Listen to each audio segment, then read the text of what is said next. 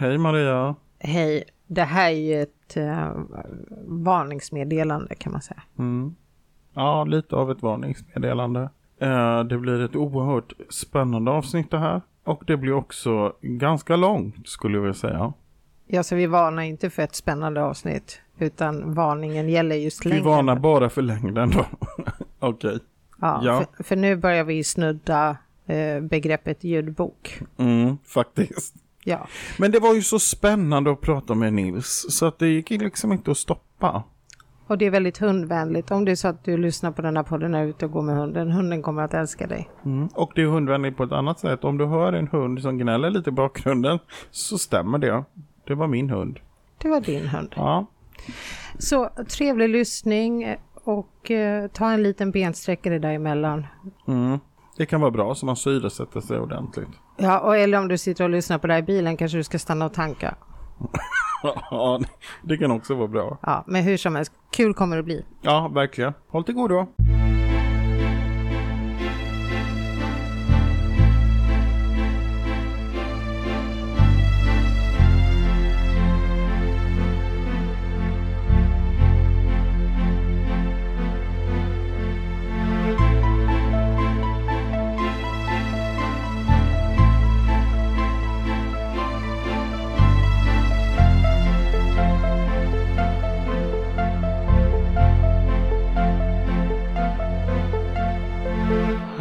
Maria, då var det dags igen.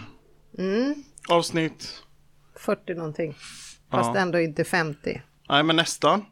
Mm. Ja, det kanske inte är så viktigt. Hur är läget? Det är bra. Mm. Eh, vi hade ju lite tema attraktionslagen i förra avsnittet. Ja. Eh, jag har redan vunnit presentkort i en guldsmedsaffär. Såklart du har. Va? Men du vann? Nej, vinnarna utses eh, nästa måndag. Jaha, ja ja, men jag tror du vinner. Lätt. Jag måste ju, för jag har ju redan bestämt vad jag ska köpa för något. Mm. Ja, vad blev det då? Ett par örhängen, eftersom ja, det... jag är så himla snygg i stora skrikiga mm, örhängen. Och vem sa det?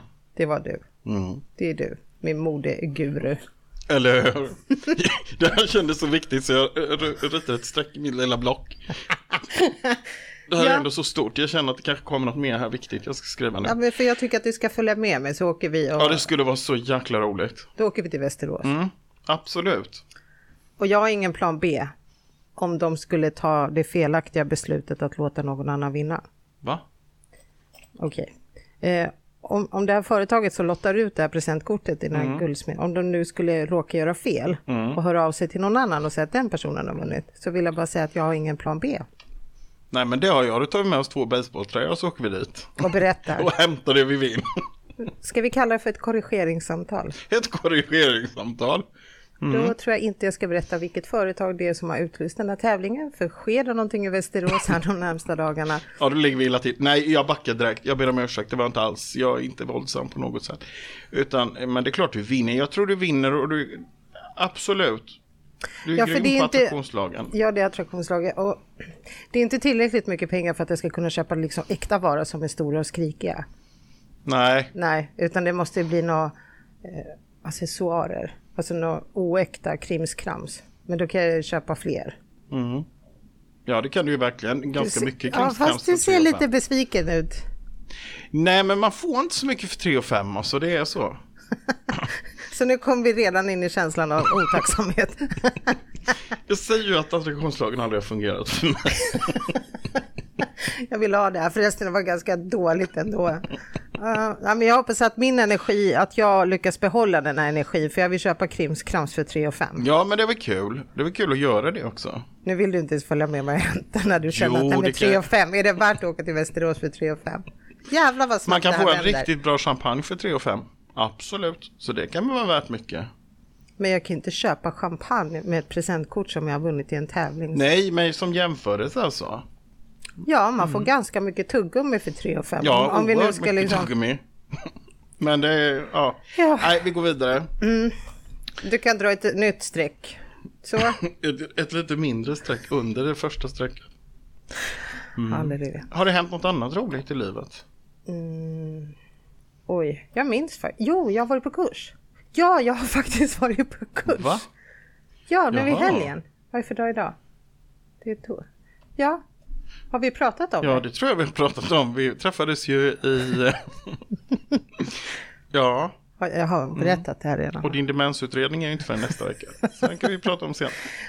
Ja, men då har jag ingenting nytt att berätta. Jag bara upprepar mig själv. Har det hänt någonting nytt i ditt liv? Mm, ja, det har det faktiskt. Men jag vet inte riktigt, för det kommer faktiskt lite eh, nästa avsnitt vi ska spela in handla om. Så jag kanske ska hålla på den lite. Okej, då vet du mer om nästa avsnitt än vad Ja, jag det vet. blir spännande. Men det jag vet, det är att vi, den här låten som jag skulle skriva, Mm. Ja, hur går det med detta projekt? jättebra. Nu har vi bokat studio. eh, Så att den här ska ju sjungas in utav tekniken. Sen är det bara att börja trycka upp de här världsturnétröjorna.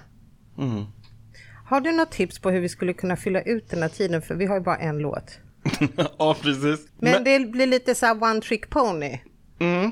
Och det är klart, man kan ju ta, vissa låtar har ju blivit så stora så Ja, men många vadå, världen är väl full med så här one hit wonder? Jo. Alltså, Okej, vi googlar, vi kollar om de nu har varit på turné, vad gjorde de? Om, om en konsert ska vara säg 1.45, vad gör vi sen då? Ja, men titta på de här äh, snubbarna. De här, vad heter de? De som blev så stora, de här... Äh, fan heter de? Samir och Viktor till exempel. Ja, men det är ju en låt som de har delat upp i olika och så blir det tio stycken. Allt låter ju likadant. Aha. Så jag jobba skulle bara kunna göra ett par nya sådana där låtar lite Ja, snabbt. släng om noterna lite. Ja. Det där löser vi. Herregud, det tror jag inte är några problem. Och sen är det jävligt långt mellansnack mellan låtarna. Exakt, och tala långsamt. Så får du ut tiden. Ja. Och sen ett litet dansnummer. Ja, kanske. Jag tror, jag tror att vi får jobba vidare på detta. Jag tycker inte det är klart. Det tycker jag inte. Utan det finns förbättringspotential. Ja. Jag litar på dig. Ja. Ska vi presentera vår gäst? Ja, gör det utan Kanske han har vettigt att avundsjuka. säga till skillnad från oss. Ja, exakt. Men ingen avundsjuka idag då? Nej, avundsjuka. Ingen skulle vara mer främmande. Eller missunnsamhet? Nej, verkligen inte. Har jag någonsin. Ja, det skulle i och för sig vara... Nej då, jag bara skojar. Nej, jag är inte missunnsam. Då får ju gästen berätta vad han heter. Absolut. Nils von Heine jag. Och redan där tog det stopp. Nej men lite Pelle prata Som jag längre. vill leta från eller av. Alltså, hej och välkommen. Ja, tack så hemskt mycket. Alltså, men eh, då har ju ni såna här eh, i Riddarhuset, eller hur? En sån här Precis, en vapensköld. en vapensköld. Ja, det Ja. har vi. Det har vi. Oj, oj, oj. Ja, berätta lite om namnets historia. Oh, nu känner jag att jag blir lite satt på plats. Jag har inte världens bästa koll på historia. Men jag, jag har viss koll. Det, det, jag, vad jag vet så härstammar det från typ 1700-tal. Och då var det en, ja uppenbarligen någon släkting till mig som blev eh, adlad för att han gjorde något jobb för kungen, typ. Det var väl därför man blev adlad på den tiden. Och då, ja, då blev det von Heine. Och jag tror, eller jag tror, jag är rätt säker på att det här stammar från det som för länge sedan hette Preussen och numera är, är, ligger i Polen. Just det. Det är typ det jag vet. Och sen så är det några hundra år och ett gäng människor. Och sen så sitter jag här och råkar heta det efternamn. Fantastiskt. Så att då kan man redan ha bevis i sitt efternamn på att man har haft eh, flitiga släktingar. Så det här Ja. betyder att eh, din familj har inte varit lika Nej, good breeding, som säger inom hundvärlden. bra stamtavla. Bra stamtavla, ja. Det är A och O. Ja, vi, vi, vi har bara poddgäster med bra stamtavla. Ja, det är viktigt. Vilket leder oss osökt till att det var så vi hittade dig. För vi vet absolut ingenting om dig. Utan vi har ju blivit ja, tipsade helt enkelt av Sara. Jag tror du skulle säga via stamtavlan. Precis, det. efter att ha sökt igenom olika stamtavlor. Ja men Sara som pysslar med eh, Ja, just det. djur, ja, precis. hundar framför Ja, okej. Då, då djur, förstår jag ja. kopplingen. Ja. Så var det i alla fall i mitt huvud var det otroligt logisk koppling. Att eh, Absolut. stamtavla. Stamtavla, hundar. Ja, Ja. ja, då får du komma hit. Woof. Woof, tack. Kan vi få in den där låten, den där Who let the dogs out? Ja, just det. Ja, Men varför tror du att du har blivit tipsad? Mm, eh, varför tror jag det? Jag vet ju nästan lika lite om er. Jag gillar att kliva in nyfiket i det som uppenbarar sig Ja. i livet. Och eh, ja, men utifrån, eh, kanske inte hundkopplingen, eh, kopplingen, men, men den eh, spirituella kopplingen skulle jag tippa på. Att det finns en, en grund i att jag kanske sitter där. Vi får se. Det finns, det finns nog potentiellt många knytpunkter i det här. Vi får se. Då ska vi nysta i det här då. Ja, det spirituella är ju otroligt spännande. Det är ju det. Och i vilken form får vi njuta idag tror du? Jag har tjuvkikat lite. Du har ju någon sån här eh, Facebook-sida eller om det var en hemsida. jag, jag är unik, jag har en Facebook-profil. ja, wow. nu pratar du, alltså det är allmänt känt att min tekniska begåvning är mycket begränsad. Så att jag överhuvudtaget har varit inne på någons Facebook-sida är, är det närmaste ett under. Och sen att du har lyckats få behålla det, för Pelle är säker på att han kan radera hela internet. ja, det är därför jag inte vågar vara så aktiv på sociala medier, för jag är väldigt rädd för att, för att radera internet. skador. Det kan bli dyrt. Men vad heter det? Men... Usch, jag känner mig mobbad utanför. Shaman. Ja. Eller hur? Ja. Det tycker jag låter väldigt spännande. Men jag har också förstått eh, shamanism, alltså folk tolkar det där lite olika, eller hur? Eller man ja. lägger tyngdpunkten på olika... Ja, det är lite som med begreppet coach, som jag också råkar ikläda mig ibland. Eh, det finns jag upplever en problematik med båda de begreppen egentligen. Att det finns liksom inget det finns inget som är överenskommet om vad det egentligen är. Vad är en shaman, vad är en coach? Och så finns det andra sådana saker också. Uh, vilket gör att egentligen kan jag bara hitta på att det är det, om jag vill. Ja, just det. Och det finns i, i takt med uh, liksom den spirituella renässansen som åtminstone jag upplever i samhället just nu. Mm så tror jag att det faktiskt finns lite utmaningar att det kommer kliva in en jäkla massa människor som ikläder sig en massa namn. Eh, och nu sitter jag här och ikläder mig en massa sådana ord. Eh, men som sagt, det finns, det finns olika sätt att tolka vad är en shaman. Jag har ju min tolkning, andra har sin tolkning. Eh, och ja, det, tycker jag det är ganska intressant, ganska viktigt ämne för mig. Ja, men det, det är intressant, för samtidigt som det också ger en frihet i det här andliga liksom i den andliga delen, att, eh, i sökandet och i liksom att hitta sin egen väg och så är ju det någonting väldigt positivt. Samtidigt så kan det ju bli också, tänker jag, nu fantiserar jag fritt, men jag tänker att det kan också bli väldigt urvattnat till slut. Eller förstår jag om, om... Ja, och det kan också, alltså det kan ju också faktiskt bli lite riskabelt eftersom jag och andra som liksom har en sån roll, vi eh, jobbar med att hjälpa människor och eh, då hamnar människor oftast i en ganska utsatt position. Alltså man är ganska sårbar mm. ofta när man gör djupt schamanskt arbete. Eh, och där kan man bli utnyttjad. Så att om vem som helst ikläder sig det med liksom ont uppsåt så går det inte riktigt att stoppa. Det finns liksom ingen schamanförening man kan eh, Nej, kontakta och säga det här är ingen riktig schaman. Nej, precis. Nej just det. Utan det, det, sån, sån information sprids ju såklart ändå. Men det, är, det finns en problematik i det där. Att mm. eh, upplever jag att man behöver, man behöver ha lite koll på vad man gör och man behöver ha lite koll på varför man gör saker. Eh, och vi är ju människor så att människor är lite olika. Mm. Det det. Ja, så är det absolut. Nu ska vi göra en liten tidsresa bakåt. Så får vi lite bakgrund på det Nils. Ja. Ska vi börja där på 1700-talet då? Ja. ja. Vad var det han gjorde Vad hände i Preussen den där kvällen? Vad var det där? och gick alltid verkligen rätt till? Från Preussen och framåt. Ja. Uh, ja, men jag kan ge en tidsresa, jag kan hoppa lite längre fram. Mm. Uh, um, jag uh, kommer från Stockholm, från Bromma, inte så himla långt härifrån, mm. där vi sitter just nu. Och är uppväxt i en liksom, tämligen vanlig medelklass slash överklass, där någonstans i mellanskiktet familj, som råkade heta Fon. Sånt får man leva med. Fantastiskt. Underbar människa. Han har ju blivit en favorit redan. Ja, titlar i allt. Uh, nej men skämt åsido, mina, mina föräldrar är båda väldigt uh, forskningsinriktade och väldigt akademiska. Uh, och väldigt länge var jag på en livsresa som liksom pekade åt det hållet. För att jag trodde att jag var tvungen att bli som mina föräldrar, såklart. Så jag var så här, högpresterande, hade jättehöga betyg i skolan. Sen gick jag på Handelshögskolan. Och sen blev jag, sen började jag förstå lite att så här, mm, den här utstakade vägen är nog inte riktigt min väg. Och så började det gå lite åt ett annat håll, som först handlade om kreativitet och kommunikation. Och så blev jag reklamare ett gäng år. Och sen blev jag entreprenör och började driva massa företag. Och så blev jag, eller var ganska intresserad av internet. Och så blev jag techentreprenör och så startade jag en massa sådana företag. Eh, och sen så har jag liksom, jag har, gjort, jag har gjort karriär kan man säga, både som entreprenör och som rådgivare för företag inom kommunikation och innovation. Så suttit på så här massa storbolag, eh, bott, eh, bott i USA och jobbat där, gjort väldigt många saker. Och sen för åtta år sedan, 2014, så vändes mitt liv på ända. Eh, ganska ordentligt. Ett långt förhållande tog slut och helt plötsligt så befann jag mig på Burning Man-festivalen i USA, i Nevada. Och började utforska psykedelia och plantmediciner för första gången. Och där började vad jag upplever som ett spirituellt uppvaknande. Och sen så liksom fast forward några år till, till för tre och ett halvt, snart fyra år sedan, så eh, plötsligt befann jag mig i brasilianska djungeln och jobbade med en brasiliansk schaman som heter Huda Yande.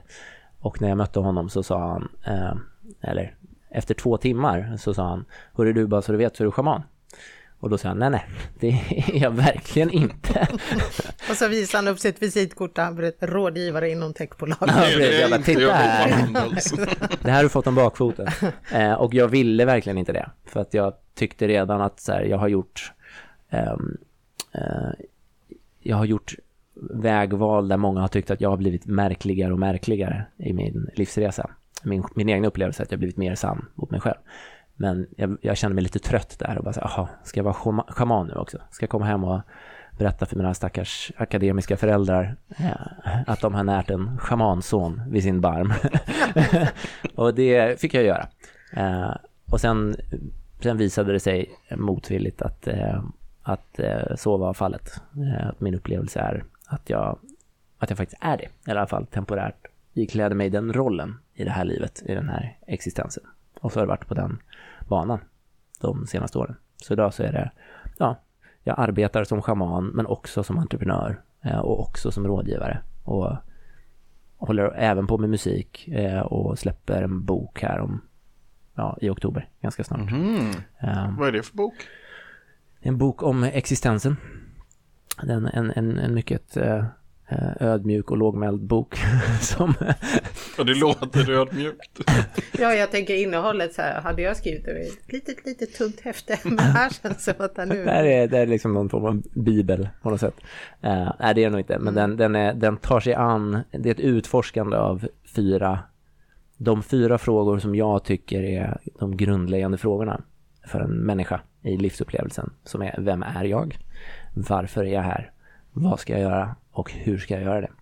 Så jag utforskar det i den här boken eh, från ett gäng olika perspektiv. Från liksom spiritualitet till vetenskap och allt däremellan. Vad spännande! Då ska man ju kunna ha den som lite så här handbok. Alltså när man själv gör sin resa. Ja, absolut. Mm. Det, är lite, det är lite tanken. Så, så lämna några blanka sidor lite här och där för anteckningar. För, anteckningar. för det saknar jag i vissa sådana här böcker. Det är att man kommer på massa idéer men då måste det säga, var ska jag skriva det här? Och så vill man ju ha anteckningarna som har någonting med just den kapiteln att göra. För att man ska komma ihåg kopplingen. Um, om vi nu säger till exempel, mm. vem är jag? Och så har jag läst din historia så kommer jag på att ja just det, så här skulle jag tänka. Jaha, då ska jag hämta papper och penna. Och så man tappar lite feeling. Ah, så tack för den. Lite... Ja, tack för det förslaget. Den blev faktiskt uh, slutversionen den korrade för typ femte gången kom idag, så den är precis klar. Men vi hinner potentiellt slänga in några anteckningssidor. Annars så sitter jag på lagret och fyller i de här. Ja, lägger i för hand i varje ex. för det här är viktigt för mig. Ja, det, det får du gärna göra. Ja, du gör det. Det var roligt att du hoppade på det här med boken när du hörde det, men alltså jag hörde musiken och tänkte, ha, här har vi utfyllnaden. Ja. Jag ser inte att din musik är sämre än den som vi ska släppa här. Men jag får vara förband.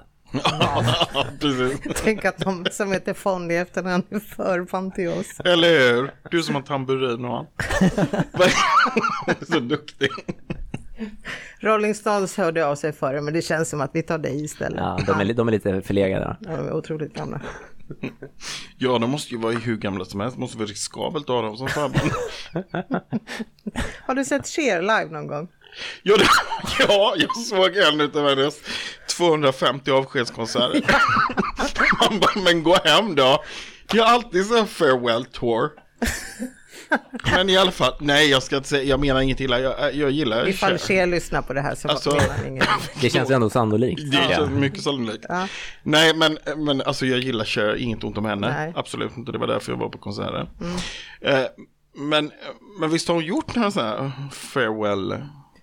Ja, det känns ju dumt att hon står där och sjunger ABBA-låtar. Jag menar, har man nu jobbat med det där i 50 år, några låtar har man väl kommit på själv. Liksom. Ja. Eh, och sen tycker jag, i och för sig, det intressanta är där, hon är en förebild så, om jag tänker, vad gjorde min mormor när hon var 72 och vad gör Cher liksom? Bara de där klackarna. Nej, ja. helt otroligt, så att det är en krutgumma det där. Men är det inte Phil Collins som har en, en sån där turné som heter I'm not dead yet eller något? nu när han håller på att dö. Ja, det är ju ändå mer Ja, men alltså, det är så svårt att hålla koll på. Det. Ja, för ibland så här, undrar när Prins kommer till Sverige, så bara fuck, han är ju död. Ah, men då väntar sig George Michael, så bara, ah, just han är också jättedöd. Han är ju död, Prince. Men Ricky Martin lever. Nej, hur länge sedan? George Michael? Nej, Prince. Eller är han död? Ja. Ja, Prince är död. Var tvungen att dubbelkolla. Nej, det minns jag inte. Ett, ett, en handfull år kanske? Oj, ja, men jag, vi får fingrar i luften där borta. Men gud, kom jag med dödsbesked här mitt i allt? Du outade. Shit, jag ber om ja, ursäkt. Hade jag, hade jag vetat hade jag bett dig sett. Nej, du sitter ju redan ner. Ja, ja. ja jag hade inte kunnat gjort det annorlunda. Nej, spelar ingen roll. Det var ingen dramatisk skådespelare i alla fall. Skådespelare? Prince är väl ingen skådespelare? Nej, säger det. Han var inte det. Nej, då, då, Okej, okay, då, då gör det inget. Ja. Men då går vi tillbaka till din musik och så lägger vi våran musik lite åt sidan ett tag och mm. Prince. Mm. Men när kommer boken ut? Nu har du korrat den. Ja, den kommer i oktober. Uh, planen är i oktober, förhoppningsvis 21. Men uh, vi får se. Och då kommer musiken också, är tanken. Vi släpper både musik och bok Aha. samtidigt. Vad coolt. Vad är det för typ av musik? Uh, ja, alltså det är någon typ av schamansk pop. Aha, en ny genre. Ja, men jag tänker det, en ny genre. Ja. Kan du bara ge hint om no något instrument så jag kan sitta här och visualisera? Du, får ju, ja, du borde inte visualisera, du borde göra det med hörsel istället. Vad det är för ord. Istället ja, för vision. Men, eh, nej, men alltså det är ganska mycket, det, är en hel del chanting. Det är en hel del eh, den typen av röstinslag. Och så är det lite, det är lite så här Enya och för de som är i, vår ålder, eh, Enigma om man minns oh, dem. Det är lite åt det hållet. Mm. Sen är det inte på den nivån, det, det ska jag inte liksom påstå. Men det är, eh, det är inspirerat delvis av det. Och sen så lite modernare inslag också. Fantastiskt. Ja, men jag tänkte som i förra avsnittet eh, så fick jag lära mig ett nytt instrument som heter marimba. Ja just det, det var det här. Klonk, klonk, klonk. Ja precis, någon mm. slag. Så då tänkte jag, hade du sagt det då hade jag sagt, ja en sån där ja. ja. En marimba. och så sa du något helt annat. Och så. Ja, just det. Men jag tänkte på, för jag gillar hon, har, har, ni hört hon eh, Snattam? Kaur? Nej? Nej. Nej, hon brukar kallas för typ eh, new age eh, musikdrottning, vilket hon inte alls gillar själv. Eh, men det är mycket ch chanting och så. Ja. Otrolig röst och så, vi, jag mediterar ofta till det. Eller, nu ljög jag. Ja, jag hörde det. Ja, du hörde det. Ja, jag hörde Usch, det. Vi börjar känna varandra för väl nu också. Det har gått att ljuga längre. Varför ljög du? Nej, för att jag bara, ja men det gjorde jag mycket förr. Men så kom jag på att jag mediterar inte så mycket nu som jag kanske borde. Ja, exakt. Och det är ju fel att säga det, det lite gamla meriter. Men, men ja. det var, ja. Eh, ja. Jag gillar att lyssna på hennes musik. Mm. Det gör jag ofta. Mm. Ja. ja, det här måste jag lyssna på. Ja. Mm. Men eh, då går vi tillbaka igen till eh, shamanismen, tänker jag. Vad tar det sig för uttryck hos dig då? Um, det tar sig uttryck i, mm, det kan, jag skulle säga att det är nog tre, tre um, upplevelser eller tre uttrycksformer. Det ena är att jag, jag är oerhört energikänslig mm. nu för tiden. Det är liksom, och min kropp uttrycker det. Eh, så att om jag slappnar av väldigt mycket så börjar min kropp ofta skaka. Så här kundalini som bara flödar genom kroppen eh, på daglig basis nu för tiden. Eh, och sen så är det, det är väl primärt, eller det är två, det är två primära områden där jag också upplever att jag liksom har användning av det. Och det ena är att jag arbetar med människor, med klienter som kommer till mig och så hjälper jag dem med energiarbete. Eh, lite beroende på vad som, vad som behövs. Eh, och sen får jag också ganska mycket information och visioner, downloads, vad man än vill kalla det. Som kan handla om individer jag jobbar med, men handlar ofta om Um, samhällsutvecklingen, vart vi är på väg och även konkreta initiativ eller projekt. Så att de flesta, eller i princip alla, egna projekt som jag driver, företag, boken, musiken, är i princip bara rakt kanaliserade. Rakt upp och ner. Så det är väl, ja, typ så. Coolt. Det är en spännande upplevelse kan man lugnt säga. Ja, det måste det ju verkligen vara. Och jag tänker det måste vara roligt nu också i, så här i efterhand och tänka tillbaka på den där eh, situationen när du träffade den där schamanen och så liksom, ja nej, det skulle inte tro det. Och så nu är det så. Ja.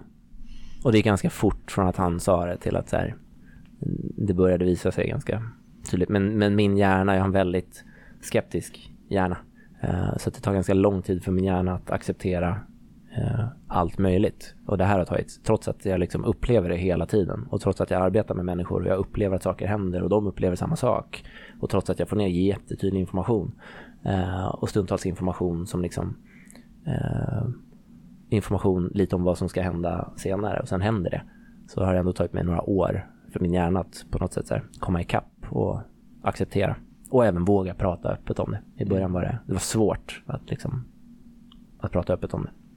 Det är klart och, och särskilt kan jag tänka mig när man kommer från en miljö som är liksom Ja men inte så tillåtande kanske just i det. Ja. Jag skulle säga tillåtande absolut men eh, en miljö där det här inte har funnits överhuvudtaget. Jag har ingen i min uppväxt där det liksom har pratats om det här eller det har funnits utrymme för det. Bara för att jag är uppväxt i en, i en sån kultur. Mm. Svensk kultur och sen även liksom en akademisk kultur eh, och sen en karriärskultur och en startupkultur där det tidigare har inget av det här egentligen funnits där. Eller inte på många, många hundra år i alla fall. Men det företagsamhet som du håller på med, har det bara med den här spirituella delen att göra eller har du en fot kvar i det gamla livet? Um, jag skulle beskriva det så här. I början hade jag en fot kvar i det gamla livet. Sen var jag tvungen att liksom kliva ifrån det rätt tydligt i några år. Och nu har jag blivit kallad tillbaka. Så nu befinner jag mig i det jag skulle beskriva som ett, ett gammalt paradigm och ett nytt paradigm samtidigt. Och försöker egentligen bara bygga broar över i det nya paradigmet. Så att alla företag som jag är med och driver på ett eller annat sätt och alla initiativ och projekt um, är som sagt kanaliserade på ett eller annat sätt. Handlar om att facilitera processen som jag upplever att mänskligheten går igenom just nu. Men de står samtidigt i liksom det gamla paradigmet. Så att det tar, tar sig form av företag eller startups eller böcker som har som ambition att rikta sig till människor som inte är på den här resan ännu eller som är på väg eller som är nyfikna och för att hjälpa egentligen hela samhället att här, öppna upp för andra synsätt. För att jag upplever att det är det vi behöver. För att... Ja, verkligen. Men det har ju hänt mycket de senaste åren, eller hur? På det Jag tycker folk är mycket mer öppna och liksom bara varannan människa har tarotkort hemma eller som, alltså ja, det finns fast, ett intresse och nyfikenhet eller? Nej. Men kan vi nu säga att i alla fall senaste veckan, det har inte hänt under hela poddens historia kan man säga, men men senaste veckan, ja, senaste nu har det veckan, hänt. Exakt, precis innan Nils kom. Men, men två sådana här saker har vi varit med om där vi möter av att eh, folk har fördomar. Mm, jo men absolut. Och så är det ju. Och fördomar tror jag det finns gott om. Men, eh, men jag tänker rent så generellt att det ändå finns en liksom nyfikenhet. Bara en sån här grej som, eh, jag menar, var det varannan tjejmiddag eller så, så är det roligt om det kommer någon och lägger tarot eller förmedlar kontakt från andra sidan eller Alltså att det finns en öppenhet så. Det här känner inte jag. blir aldrig bjuden på tjejmiddagar. Nej, Nej jag, jag känner igen det. Jag ja. i och för sig inte bjuden på tjejmiddagar heller. Nej, Nej inte jag heller. Men... men du besöker dem ändå. ja, Med dina kort. Ja. Hör här, säger han. Och så fort jag kommer ur häktet så finns det en ny att besöka. du, den där bojan, hur känns den med den här sommarvärmen? Oh, den skaver. Helt ofarligt. nej, nej, men ja. ja. Jag har en bekant som är eh, ganska nybakat medium, men väldigt, väldigt duktig. Hon har fått massor förfrågningar redan från ja. så här, ja du vet. Nej, jag vet ju inte, för jag blir inte... Ja, tjejmiddagar. Ja, de där som inte jag blir bjuden på. Nej, men det, alltså för att bygga, bygga vidare på det du säger, mm. jag upplever ju också att det har hänt väldigt mycket de senaste ett, två åren. Att det, det är som att det har legat och bubblat. Det ligger fortfarande och bubblar ganska mycket precis under ytan i större delen av samhället. Men det har verkligen börjat slå över på ganska många ställen. Uh, och min gissning är att det kommer bara fortsätta. Det, gissningsvis kommer det bli mer och mer och mer av sånt här. Mm. Det är ju spännande. Eh, jag tyckte det lät jätteroligt det här med att du kanaliserar allting, allting som ska göra det här. Eh, och då tänker jag, varifrån anser du att den här informationen kommer ifrån som du får? Eh, jag skulle nog beskriva det som, eller så här, med risk för att det blir en jättelång ja, men du, kör. Och, och det är även delvis det här som boken handlar om. Ja. Um, min upplevelse är att existensen är ett uttryck av medvetande, av consciousness. Att allt vi upplever här är bara en, en upplevelse av medvetande. Och det är ett perspektiv på det. Man kan också prata om det som eh, ett fält. Man kan prata om det som energi. Ehm, om jag väljer det perspektivet så kan jag, då kan jag se mig själv som ett energifält. Alltså en människa är ett elektromagnetiskt fält. Vi har en sån här donut energi Eh, form, en torus runt om oss. Eh, så jag är ett energifält i ett mycket större energifält eh, som är hela existensen. Och allt det här är consciousness, allt det här är information, vad man än kallar det. Så att det enda jag upplever sker egentligen att så här, mitt lilla energifält öppnar upp sig så pass mycket att det får access till en massa information i det övergripande fältet. Det är inte, jag är inte så låst eller så stängd längre, utan mottaglig. Eh, och då flödar det igenom mig som allt ifrån rörelser till ljud, till visioner, till tankar, till idéer. Um, och det har, eh, eh det har alltid gjort, men jag har inte förstått hur jag ska hantera eller förstått liksom min relation till det tidigare. Och då blir det inte så svårt. Då handlar det bara om att lyssna och vara nyfiken och sen plocka upp signaler. Och att allt är signaler. Eftersom allt är det här fältet så är precis allt en signal. Ja, ett ord som dyker upp väldigt ofta i den här podden, det är ordet tillit. Mm. Att man ska ha den här tilliten och höra allt det här som, som kommer till en. Ja, tillit är väl det viktigaste. Det tänkte jag ju till och med tatuera på armen. Mm, hur går det med det då? ja, det har inte heller blivit av Nej. ännu. Men det kommer. Så snart kommer du sitta så här, ah, jag brukar tatuera ett ord lite då och då på armen som heter tillit. Ja, lite som när du säger att du brukar, brukar meditera. Mm, som ska ordlista. nej, ja, nej, jag vet inte. Jag, jag, jag, jag kämpar på. Ja, men du har ju tagit tag i en massa saker ändå. Ja, jag det kan... har jag. Väldigt mycket. Vad var det förresten? Eh. Nej, men jag, bara, jag hörde mig själv säga det och så tänkte jag, kan jag stå för det här jag säger? Så... Ja, det var vad, vad har du tagit tag i? Vad? Tagit tag i? Ja, det är så mycket jag går upp varje morgon. Bara en sån sak. Men du har ju sytt där balkongskyddet. Åh, oh, tjat om balkongskyddet. Ja, det har jag gjort. Det, det var i och för sig duktigt att jag kom till skott. Det tog ungefär ja, nio år. Men sen blev det av. Mm. Eh, ja, nej, men tarotkorten till exempel. Ja, precis. Jag älskar ju mina tarotkort. Det har jag tagit tag i nu. Anmält mig till en utbildning till och med. Ja. En liten kurs. Vi ska ju uh, hålla den kursen här. Ja, eller ja, vi precis. ska inte hålla. Utan det är Max som håller i den kursen. Ja. Mm. Skulle du med på den eller? Hur nej. Nej. Nej, det skulle du inte. Mm. Nej, men det blir det väldigt roligt. Det har du tagit tag i. Ja. Mm. Och sen ska vi gå med mediumutbildningen. Ja, precis. Camilla börjar nu på fredag. Ja. Jag, jag har gått kurser sedan 2000, eh, jag vet inte när. Så att det, nu har jag hållit på med länge. Okay. Så jag tycker det händer grejer minsann. Du är en riktig firestarter liksom. Ja. det kanske var lite. Men absolut, ja, det ryker lite i alla fall. Det, det tycker jag. Ja, faktiskt. Ja, det tycker jag. Men lever du på, på det här alltså? Eh, men du säger du har företag också? Jag har företag också. Ja. Jag gör ju väldigt många olika saker. Ja, just det. Eh, så att eh, jag, jag lever väl på liksom kombinationen av allt det här. Men när det gäller det schamanska arbetet så är jag um, så som jag arbetar där eftersom jag upplever att det här är verkligen så här något jag måste göra i min livsupplevelse. Det, det kommer tydligt till mig. Så att när människor dyker upp hos mig så jobbar jag eh, oftast med dem. Och så tar jag betalt på ett, eh, alltså säga, jag tror på energiutbyte. Men jag tror inte att jag kan veta vad ett sånt arbete är värt för personen jag jobbar med. Så att det jag gör är att jag vänder på det och säger att jag känner mig kallad att göra det här. Eh, vi gör det här. I efterhand så kommer du veta om det var värt något och då kommer du veta vad det var värt. Och då betalar man vad man vill. Eh, och det kan vara noll eller det kan vara hur mycket som helst. Eh, det avgör den personen som jag jobbar med. Så att därför så, ja, jag får betalt och det varierar väldigt mycket. Hur mycket eller lite det är. Ja, det gör det va? Enormt mycket. Det är ju väldigt häftigt. Samtidigt lite stressande skulle jag känna om jag gick till någon som sa så här, ja, vad tycker du? Va? Du vill jag lite så här, ja, Vad är brukligt? Du vill gärna ha de här laminerade prislistorna, ah, det är väldigt tydligt. Men det fanns ju en, eh, det var ju det här hotellet vid Kungens Kurva hade ju det här för många, många år sedan, att du fick sova på det här hotellet och sen fick du betala det du tyckte var värt. Mm -hmm. Och vissa betalade 50 öre, för det fanns ju fortfarande 50-öringar på den tiden. Och sen var det väl säkert någon som tyckte det var värt några hundringar, tusenlappar. Briljant. Ja, finns hotellet kvar? Jag tror att det är parkeringshus. ja, precis.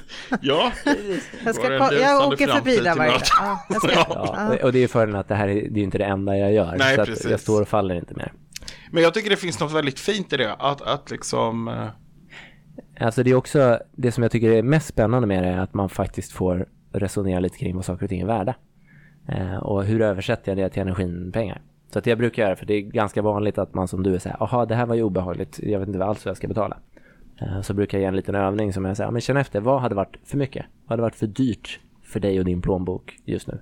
Och sen vad hade varit för billigt? Vad hade känts som att, nej men här hedrar jag inte vad jag faktiskt tyckte det var värt. Och så lägger man sig någonstans emellan. Det brukar funka rätt bra. Jag gillar den här övningen med pengar som jag har lärt mig. Jag så lyssnar på kurser ibland. Eh, det är när man ska med händerna visa hur mycket man tycker till exempel 2000 kronor är. Så att när man ska oh, måtta. För, säga så här, för att för dig kanske 2000 kronor är så här. Fast nu visar, det här är så poddvänlig övning. Ja, extremt poddvänligt. Det här är så bra. Det här är effektfullt. ja. Alla vi hade kunnat lägga Alla. ut det på YouTube om vi hade haft medarbetare. En kamera. Ja. ja. Bra tänkt. Men det hjälper mig inte just nu. Sen hade vi sagt till exempel att Pelle får säga 2000, det är så här mycket för honom för att han har de och nu visar du liksom en lite större... ja. Jag känner att jag får referera här nu. Det är bra. Ja. Det är så här, sportkommentator. Och sen eh, 2000 kronor så här mycket, ser ni? Ja, nu är det väldigt... Ja, det här är väldigt stort. Men just att det ger en liten hint om hur man värderar pengar. Ja. Och då tänkte jag i alla fall, för jag lyssnade på den övningen, på, säkert på samma sätt så här, att de på den där lyssnargrejen säger att så här mycket är det. Så upptäckte jag att eh, jag tycker, jag har, hur säger man, jag tänker stort. Mm. Eh, eller det vill säga... Att pengar är värt mycket? Eller tvärtom? Nej, tvärtom. Alltså 2000 spänn för mig, det är så här lite. Medan eh, hade ni frågat mig för 20 år sedan, då hade 2000 varit väldigt, väldigt mycket. För mig. Ja, ja, men jag, okej, alla har, den här övningen var ju så klockren, otroligt enkel att förstå. Jag hoppas alla lyssnare bara sätter sig pausa den här podden. Måtta upp 2000 kronor. Måtta upp 2000, eh, ta en bild på era händer, lägg ut det i Facebookgruppen. Ja, det hade varit lite roligt faktiskt. Ska, ja, 2000 kronor. Hur tar man en bild på sina händer? Eh, Pelle, berätta du som är så tekniskt kompetent utan att oh, radera internet. Det finns en självutlösare. Eller du kanske har någon i hushållet som påpassligt kan stå till tjänst. Goa grannar. Grannar. Det är bra, gå över till grannen. Kan du sitta mina händer, jag ska måtta upp 2000 kronor.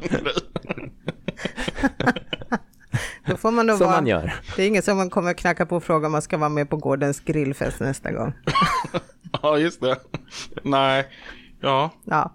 Eh, nej, men bara, jag förstår också det här resonemanget med, med pengar, för vi har också pratat en del om att är det fult att tjäna pengar bara för att det är andligt och spirituellt?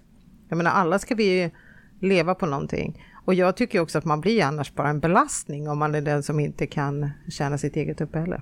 Och det vill man inte vara. Nej, absolut. Och, och, pengar är, jag kan addera eh, lite av mina perspektiv på det här. Eh, ett, ett perspektiv som jag själv har jobbat rätt mycket med är att se på olika typer av kapital.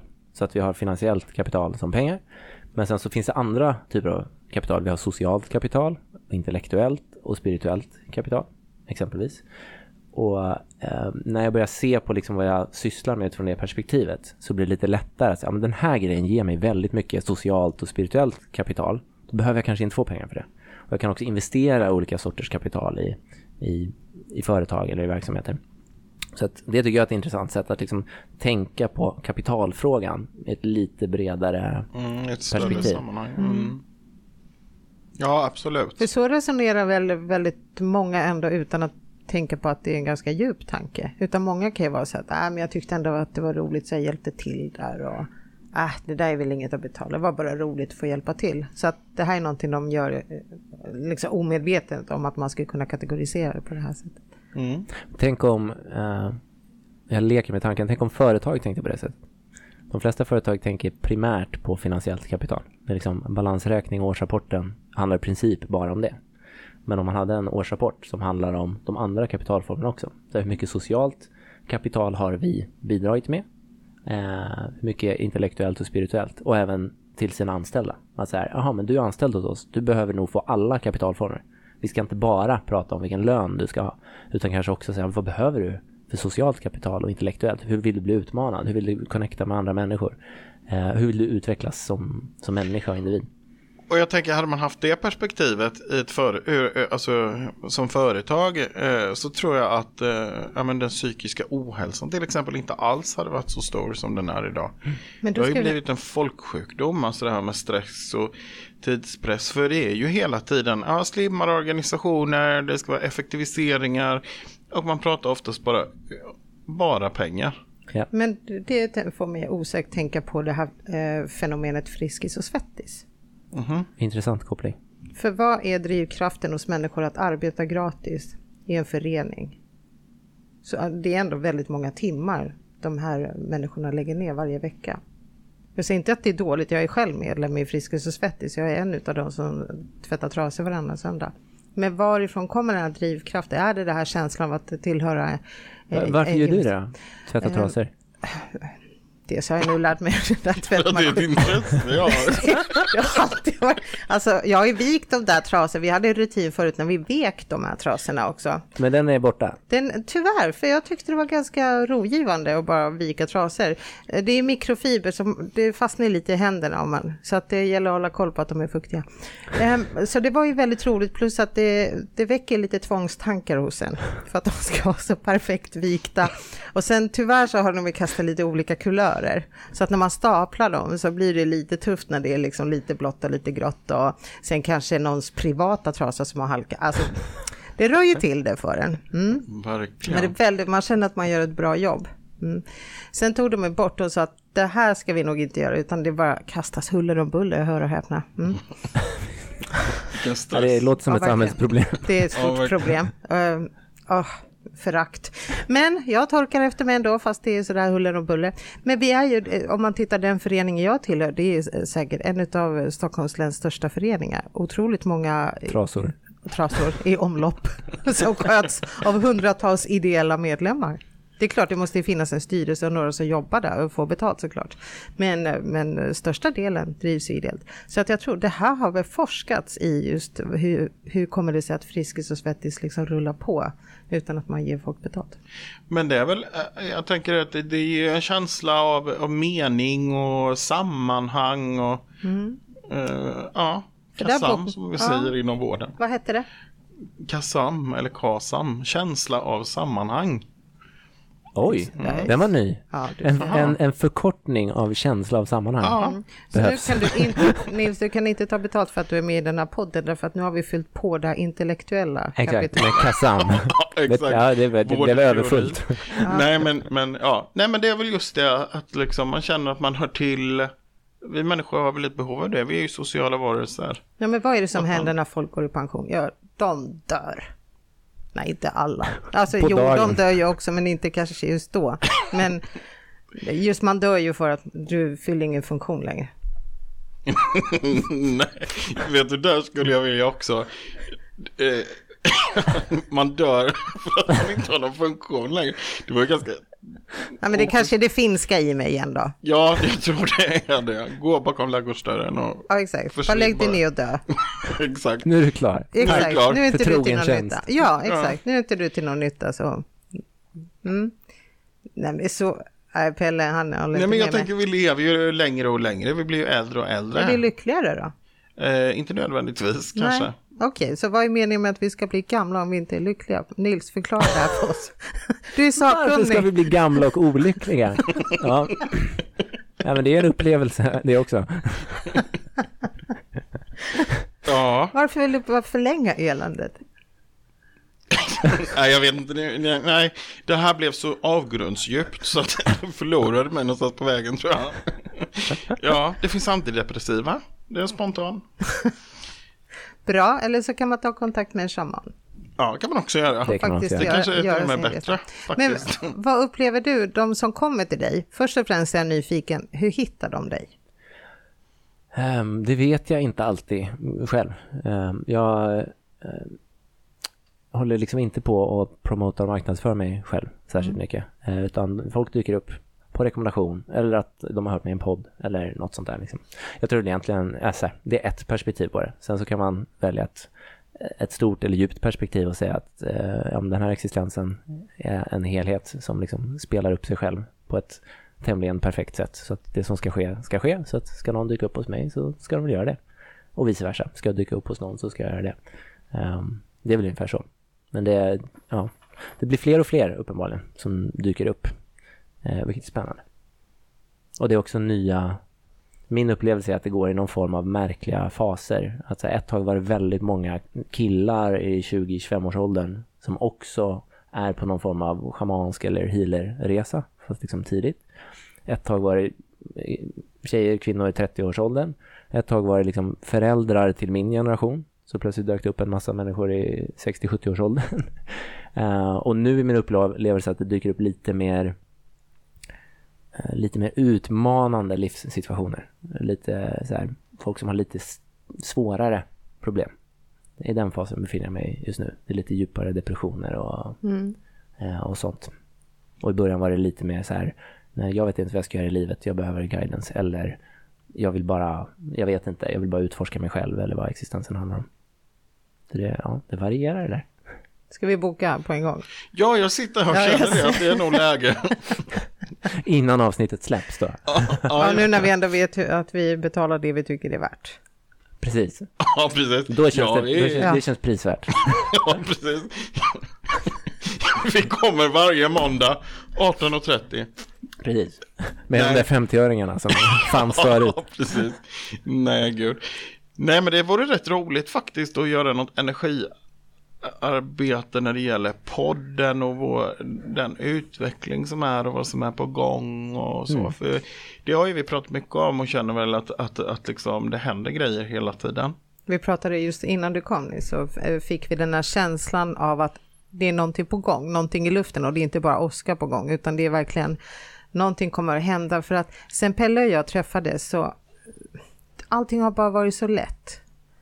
Innan har man liksom dunkat huvudet i väggen och varit alldeles blodig och tänkt så här, den här rastlösheten som man har känt att det här meningslösa, jag kan tänka mig att det är många som sitter där i, hos dig och känner just det här som att eh, var det bara det här? Att vad ska jag göra med, med kreativiteten och alla idéer? Och sen vi startade podden och träffat er fantastiska gäster och fått de här olika eh, eh synpunkterna och olika tankesätten så det bara ploppar upp mer. Så vi blir ju extremt kloka av det här och nu måste vi göra allting med vår kunskap. Jo, men det känns som att det ena ger det andra och att det händer saker på det andliga planet också. Eh, absolut. Ja, och sen också att vi inte är så långt ifrån märker eh, vad det gäller drömmar och visioner. För det vore jättehemskt om Pelle bara, han ska bli lokförare i Jönköping. Ja, det var hemskt. Ja, Ja, det det vore hemskt. Ja, Jag kan knappt tänka mig något värre. nej faktiskt. Och du kom ju ändå från Jönköping. För jag menar, du hittar ju där, det var därför jag sa Jönköping. Ja. Ja. Som lokförare är det väldigt viktigt att hitta. Ja, precis. Så man inte, Ja. så man det är inte två svänger. spår där. Det är både ett A Finns det och något två. Uber för lok? Måste det Ja, finnas. där har vi en affärsidé. Ja, Ja, jag försöker hjälpa dig och bara se lite bredare på dina möjligheter. Så att du kanske vill ska bli lokförare i Jönköping medan jag drömmer om att stå där på scenen och köra låten på repeat som inte vi har fler låtar. Men här någonstans så delar vi våra drömmar. Och det tänker jag att det kan omöjligtvis vara en slump att Pelle och jag träffades. Det, jag Ja, det skulle vara... Minns ni rocktåget från 90-talet? Det är kanske det ni ska liksom reviva på Pelles lok. Pelle, där har vi det. Mm. Nu måste du börja Vad kostar ett sånt där lok? Du menar om vi, det här presentkortet som jag tänker att jag har vunnit från den där guldaffären, att vi kanske kan byta in det. Ska vi testa den där så här, byta grejer? Tills ni har ett lok. Tills vi har ett Men lok. det finns ju folk som gör sånt där. Byter och byter och byter. Byter, Ja, byter. Tills de har ett lok. Så när jag har vunnit presentkortet, lyssna då, de som är närmast ett lok kan komma och... Det Jag tycker det känns så tragiskt. För tänk när man väl har bytt till sig det där loket så står man där med ett lok och bara vad fan gör jag nu? Då jobbar vi bakåt så att vi kommer tillbaka så vi får ett presentkort Ja, på precis. 3 500. Coolt. Ja, jag är ingen så här businesswoman så, men det känns som ett dåligt köp. Ja, mm. nej. Men hur känns det uh, att driva företag? För du måste ju ändå tänka pengar. Och... Ja, um, oj, det finns så många, många perspektiv där. Ett är att jag har, jag har senaste två åren verkligen utforskat min egen relation till pengar. Och förstått att den är lite så problematisk. Jag tror att det är det för ganska många. Att jag har känt någon så här, jag måste ha pengar och det är någon form av i min mening stundtals falsk trygghetskänsla. Bara jag har pengar kommer allt lösa sig. Så att min livsupplevelse har varit att jag har, jag har tjänat bra med pengar tidigare och sen så under typ två, tre år så var jag bara tvungen att sluta med massa gamla saker. För att det kändes inte sant längre. Och i det så blev det, jag bara läckte pengar i flera år. Mm. Uh, men upplevde och fick till mig att ja, men det här är det jag behöver göra. Jag behöver utforska vad det här egentligen handlar om. Vad handlar min oro kopplat till pengar om? Uh, och i mitt fall så har jag upplevt eller hittat ett perspektiv på det som att för mig handlar det om självkänsla. Så att min relation till pengar och även till sex handlar väldigt mycket om självkänsla för mig. Och när jag fick syn på det så kunde jag börja jobba med det. Och sen har jag bara jobbat med min självkänsla och eh, kopplat till det liksom bara tränat på att känna in vad är sant för mig? Vad är, vad är mitt syfte? Vad försöker jag egentligen göra med allt det jag gör? Och sen jobbat med den här tilliten som Pelle har på armen. Uh, inom kort. inom kort. uh, och, och, från det så, så upplever jag att plötsligt har existensen, universum, jag själv börjat manifestera pengar för att på ett mycket mer sant sätt. Eh, och att driva företag har med samma sak att göra. Att nu driver jag företag som är djupt kopplade till mitt syfte. Bara. Ehm, för att mitt perspektiv på mitt liv har förändrats ganska mycket. Eh, och jag försöker liksom jag försöker skapa en plattform rätt mycket för mina barn och deras generation. Eh, och ja, göra saker som jag hoppas bidrar och som känns sanna för mig. Och i takt med att jag gör mer och mer av det så upplever jag att saker går lättare. Lite som det här med att mm. när jag träffat så saker bara rullar på. Och i takt med att jag lär mig att lyssna mer och mer på vad får jag för signaler. Vad ska jag göra, vad ska jag inte göra? Eh, vad blir jag nyfiken på? Vad känner jag en, så här, vad känner jag en låsning? Eh, så ja, men det är lite som att åka skidor eller surfa.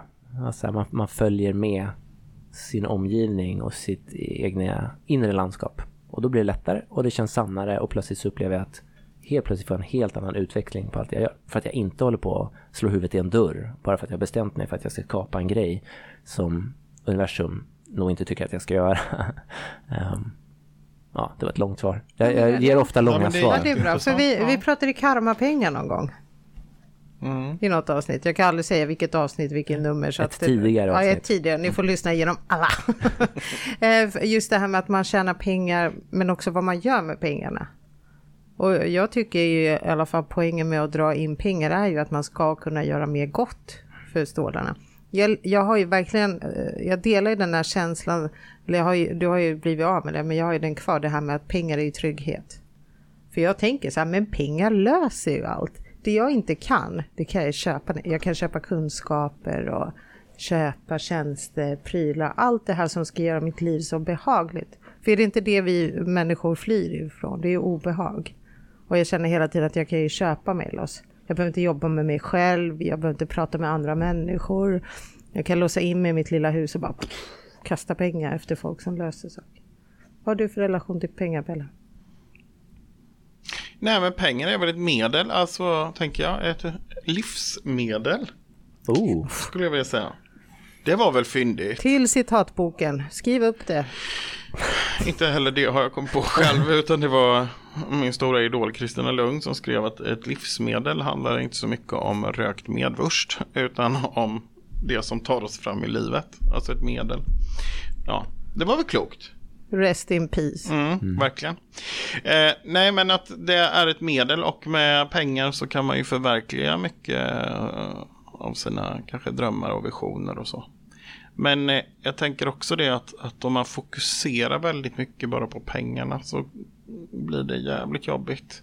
Om man tar det i andra änden istället och tänker på det. Alltså när det är lustfyllt det man vill göra eller man liksom, ja men som vi håller på med det här nu.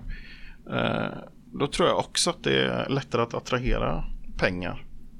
Men, det man behöver. Ja, men vi lever ju lite i den här lögnen att vi, vi vill uppnå en viss känsla Och vi tror alltid att det är pengarna som är lösningen. Mm. Att kan jag bara köpa det där huset så kommer jag få känna det här. Men det kanske du kan känna där du är idag. Och du, exakt. Och du kanske inte känner det när du väl har det här huset. Nej, exakt. Nej, precis. För ofta är det ju så. Alltså att man... Jag menar, jag tänker på det man, eh, om man har en viss, om man har en viss inkomst och så lever man efter det och det känns helt okej och så får du kanske ett ganska stort eh, lönelyft till exempel eller så. Ja, det tar ju inte lång tid innan du, du har ju precis samma omständigheter. Du har ju bara snabbt som ögat skaffa dig flera utgifter oftast. Men vi gnäller ju ofta på barn.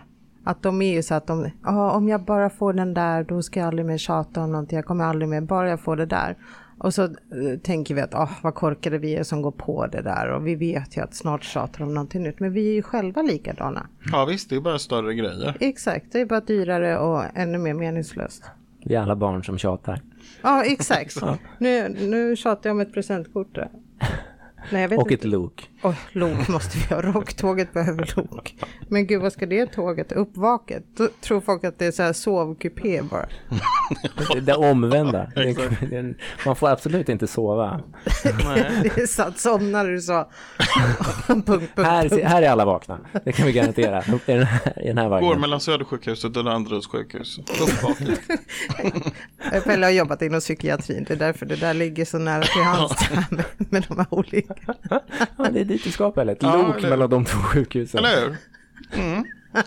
Bara forsla patienter fram och tillbaka. Låt dem vakna. Jag kan inte låta bli att titta på dina tatueringar för det känns ju som att det är ingenting du har bara kopierat ur någon tatuerarens bok. Det känns som att det är lite mer originellt. Carpe diem och, ja, precis. och en delfin. 15 carpe diem i olika typsnitt. Ja, Vart är delfinen då? Den är i svanken. Ja, svanken. Alltid. Ja. Det är fräckt. Ja, det är fräckt. Ja, oh, gud, så var inte hon det den här... Ja. Ska du ha ditt vågskvalp i korsryggen? var det som sa det? Eller hur? Vem har bara ja, sagt Jo, men det var någon sån här. Ja, Mia Skäringer i någon sån här serie. Mm, fantastiskt. Ja. Men nu pratar vi om dina tatueringar. Ja. Vad är det för vågskvalp vi har i svanken? Jag har ju ganska många. Ehm, och ja, de, de betyder lite olika saker de för mig. Det. det är, framförallt har jag höger arm. Eh, nästan alla utom, utom en. Den mm. jag har på vänster arm är min, eh, det är min kompass. Det är ur ett schamanskt perspektiv. Jag använder det faktiskt som ett, ett, ett fysiskt verktyg i min kropp. Så det är de fyra väderstrecken och så är det fyra kristaller som kännetecknar väderstrecken och även mina eh, spirit guides som har placerat sig just väderstrecken. Så vänster arm använder jag och höger arm är mer ett uttryck för saker som är viktiga för mig. Där, jag ska inte gå igenom alla de här, det kommer bli en väldigt lång podd. Och det görs ju väldigt bra i podcast en gång ja, när, ja, ja. när jag beskriver tatueringar. Sen ska vi titta på dina teckningar du har ja, precis. ja, just det. Sen ska vi måtta olika summor igen, för ja. det tyckte jag var riktigt, riktigt ja, kul. Det är en, en. Ska vi ta 10 000 kronor? 10 000 måttar vi nu. Vi 10 000. Tekniken vill fotografera din kropp. Oj. Ja. Alltså den förra stämningsansökan har knappt Ja, men det är historien. Det är nu jag börjar bli orolig här i ett industriområde i Bromma. Exakt. Nej, men just för, jag menar den här översta där är ju... Ja, det här är, den översta är, uh, den betyder väldigt mycket för mig. Det här är, det, det är, det är en kombination av två saker. Det är kartan över uh, Burning Man eller Black Rock City som det heter. Mm -hmm. eh, på, som, är, som ser ut som en halv cirkel, halv måne. Så här ser kartan, så ser staden ut, Burning Man-staden. Så det är en karta. Så jag kan peka så här, här har jag bott olika år. Och sen så har jag en, eh, två klockvisare ovanpå det.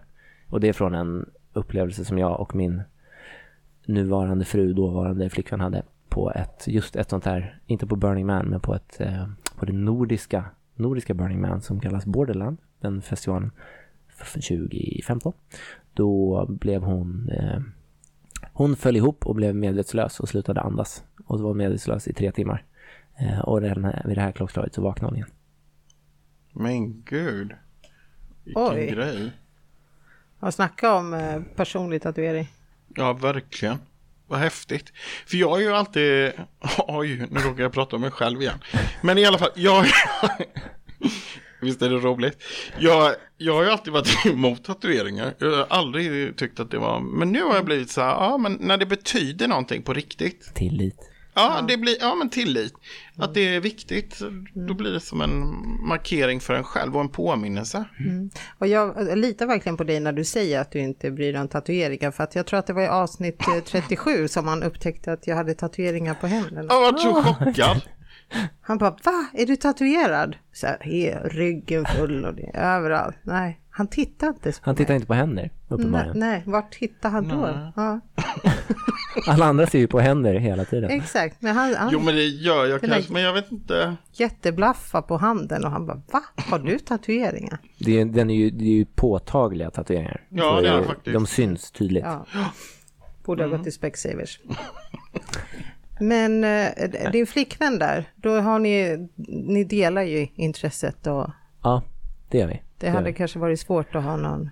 Uh, ja, alltså ingen av oss var ju det här när vi träffades. Uh, men nu är vi i, båda i det, så skulle jag beskriva det. Skedde det samtidigt? Nej, för mig har det skett tidigare. Uh, så att jag ligger liksom några år före, kan man säga.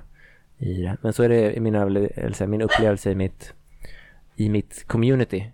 att det här den, det schamanska eller healing um, abilities eller vad man nu vill kalla det, det dyker upp, det tycks dyka upp hos fler och fler människor, är min upplevelse. Och bara i mitt community så är det liksom ganska många nu och bara senaste året så har det gått från att först kände jag mig ganska ensam uh, och nu är det hur många som helst som gör liknande saker. Så jag blev väldigt överraskad när du sa att det var killar i 20-25 års åldern. Mm. Det finns, tänkte... en, det, finns en, det finns en drös sådana. Ja, otroligt. Up and coming. Up and... Unga ja, talanger. Ja, exakt. Och det är roligt. Jag hoppas de lägger ut så här TikTok-filmer. Det är så de hittar varandra. TikTok-schamanerna. TikTok-schaman. Åh, där har vi. Nisch. De finns, de finns garanterat. Jag är, inte, jag är inte på TikTok, men det är klart de finns där också. Finns där eh, för min nästa fråga är ju, när man har suttit där hos dig, vad är, vad är det, det vanligaste du märker? Så vad, är det, vad är det man upptäcker hos sig själv? Mm, det finns nog inte det finns nog inte ett svar på det. Det är ju högst personligt så, såklart. Men det är väl, ja men det är kanske två mönster. Alltså så antingen har man någonting som behöver läkas. Något gammalt trauma eller liksom, ja, någonting som, som behöver läkas i, i människan. Eh, eller så behöver man hitta riktning. Eh, komma i kontakt med sitt syfte, liksom hitta sin skaparenergi eller livsenergi. Det är de vanligaste utmaningarna som folk har. Mm. Uh, och sen kan det också vara att det är att det är uh, ja, men att det är en rädsla, det har vi i och för sig med läkning att göra, men att det är någon specifik rädsla man behöver dela med. Rädsla för döden exempelvis, mm. som har varit, det har varit min primära.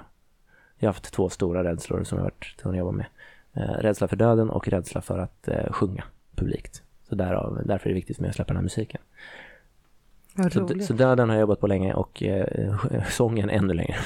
Men varför var det, eller hur gick tankarna när man kände sig rädd för döden? Um, jag förstod att jag var rädd för döden när mitt spirituella uppvaknande började. Um, jag förstod plötsligt att jag inte förstod vad döden var. Uh, och inte kunde riktigt förhålla mig till det. Eh, och hade liksom skjutit det ifrån mig hela mitt liv. Eh, och när jag insåg det så um, då blev plötsligt, plötsligt döden närvarande hela tiden. Så jag kunde inte tänka på något annat. Jag var, I varje stund var bara så här, döden var här hela tiden. Och bara så här, min fru kommer dö, mina barn kommer dö, jag kommer dö. Um, så jag hade, jag hade inget val än att börja möta den rädslan. Och så tog det nästan exakt sex år från att det bara sattes i mig tills att jag kände att nu är jag inte rädd längre. Sex år? Skulle du ha det tålamodet att laga någonting hos dig Pelle? Ja, jag var på i 47. jag lagar för fullt. Det är balkongskyddet tog bara nio. Nej, men jag tycker att det måste ju vara väldigt ångest. Alltså det känns som att det skulle vara ångestdrivet liksom när man eh, den här eh, rädslan för döden och just att andra människor, att man ska dö och liksom. Mm. Ja, det var skitjobbigt. Mm. Alltså det är det är liksom själsligt värsta jag varit igenom. Att behöva möta den. Och det är inte så att döden har försvunnit med sin närvaro, men nu har jag en relation till det. Nu är jag, liksom, nu är jag kompis med döden på ett annat sätt. Har du ändrat syn på vad som händer efter död? I, ja, jag hade ingen syn på det innan. Eh, och nu har jag en syn på det. Mm. Eh, som jag känner mig trygg i. Och med det inte sagt att jag försöker övertyga någon annan om att det är så. Mm. Men min upplevelse är extremt tydlig med mig och för mig. Och jag har mitt djupaste arbete har jag gjort med, med ayahuasca kopplas till det. Mm. Um, och, och, verkligen min första ayahuasca-resa så hade jag upplevelsen av att jag var tvungen att dö. Och först så ville jag inte det ganska länge. Och sen gav jag upp och så dog jag, så dog jag, så dog jag, så dog jag, så dog jag. Så fick jag liksom grepp om det. Började få grepp om det i alla fall. Hur var den där ayahuasca? Var det att kräkas mycket? Ja, det var det. det, var det. Den första är ofta så. Det var, för mig var det väldigt ja. mycket så. Det var över två dygn. Ja. Två liksom åtta timmars resor och de första åtta timmarna så jag kräktes konstant i åtta timmar. Inga pauser. Ja, fy fasen vad jobbigt. Ja, det var jobbigt. Jag ser bara viktnedgången här. Ja, just det. När kör vi? Ja. Vi är på. Ja, jag för mig är det tvärtom. Jag skulle behöva gå upp lite i vikt. Det var inte bra för mig. De kilona du har tappat, dem har jag hittat. Ja, ja vad schysst. Tack för att någon plockade upp dem. Ja, sån är jag. Ja, vi har ju faktiskt haft ett eh, avsnitt om ayahuasca. Ja, det, hade vi. Mm. det var väldigt intressant och vi har fått eh, en del samtal och meddelanden om att vi kör. Det eh, finns några varje gång de ser mig, glöm inte bort det här. Så jag känner att jag behöver lösa det här mm. omgående. Mm. Alltså jag kan känna mig lite rädd för det där. Inte själva upp, alltså, eller ja. Jo men just det här att må så dåligt och, och liksom. Ja. Jag vet, jag vet inte. inte om jag skulle vilja liksom släppa loss inför folk jag känner. Det här är kanske något man vill göra själv. Jag vet inte, vad tror du Nils?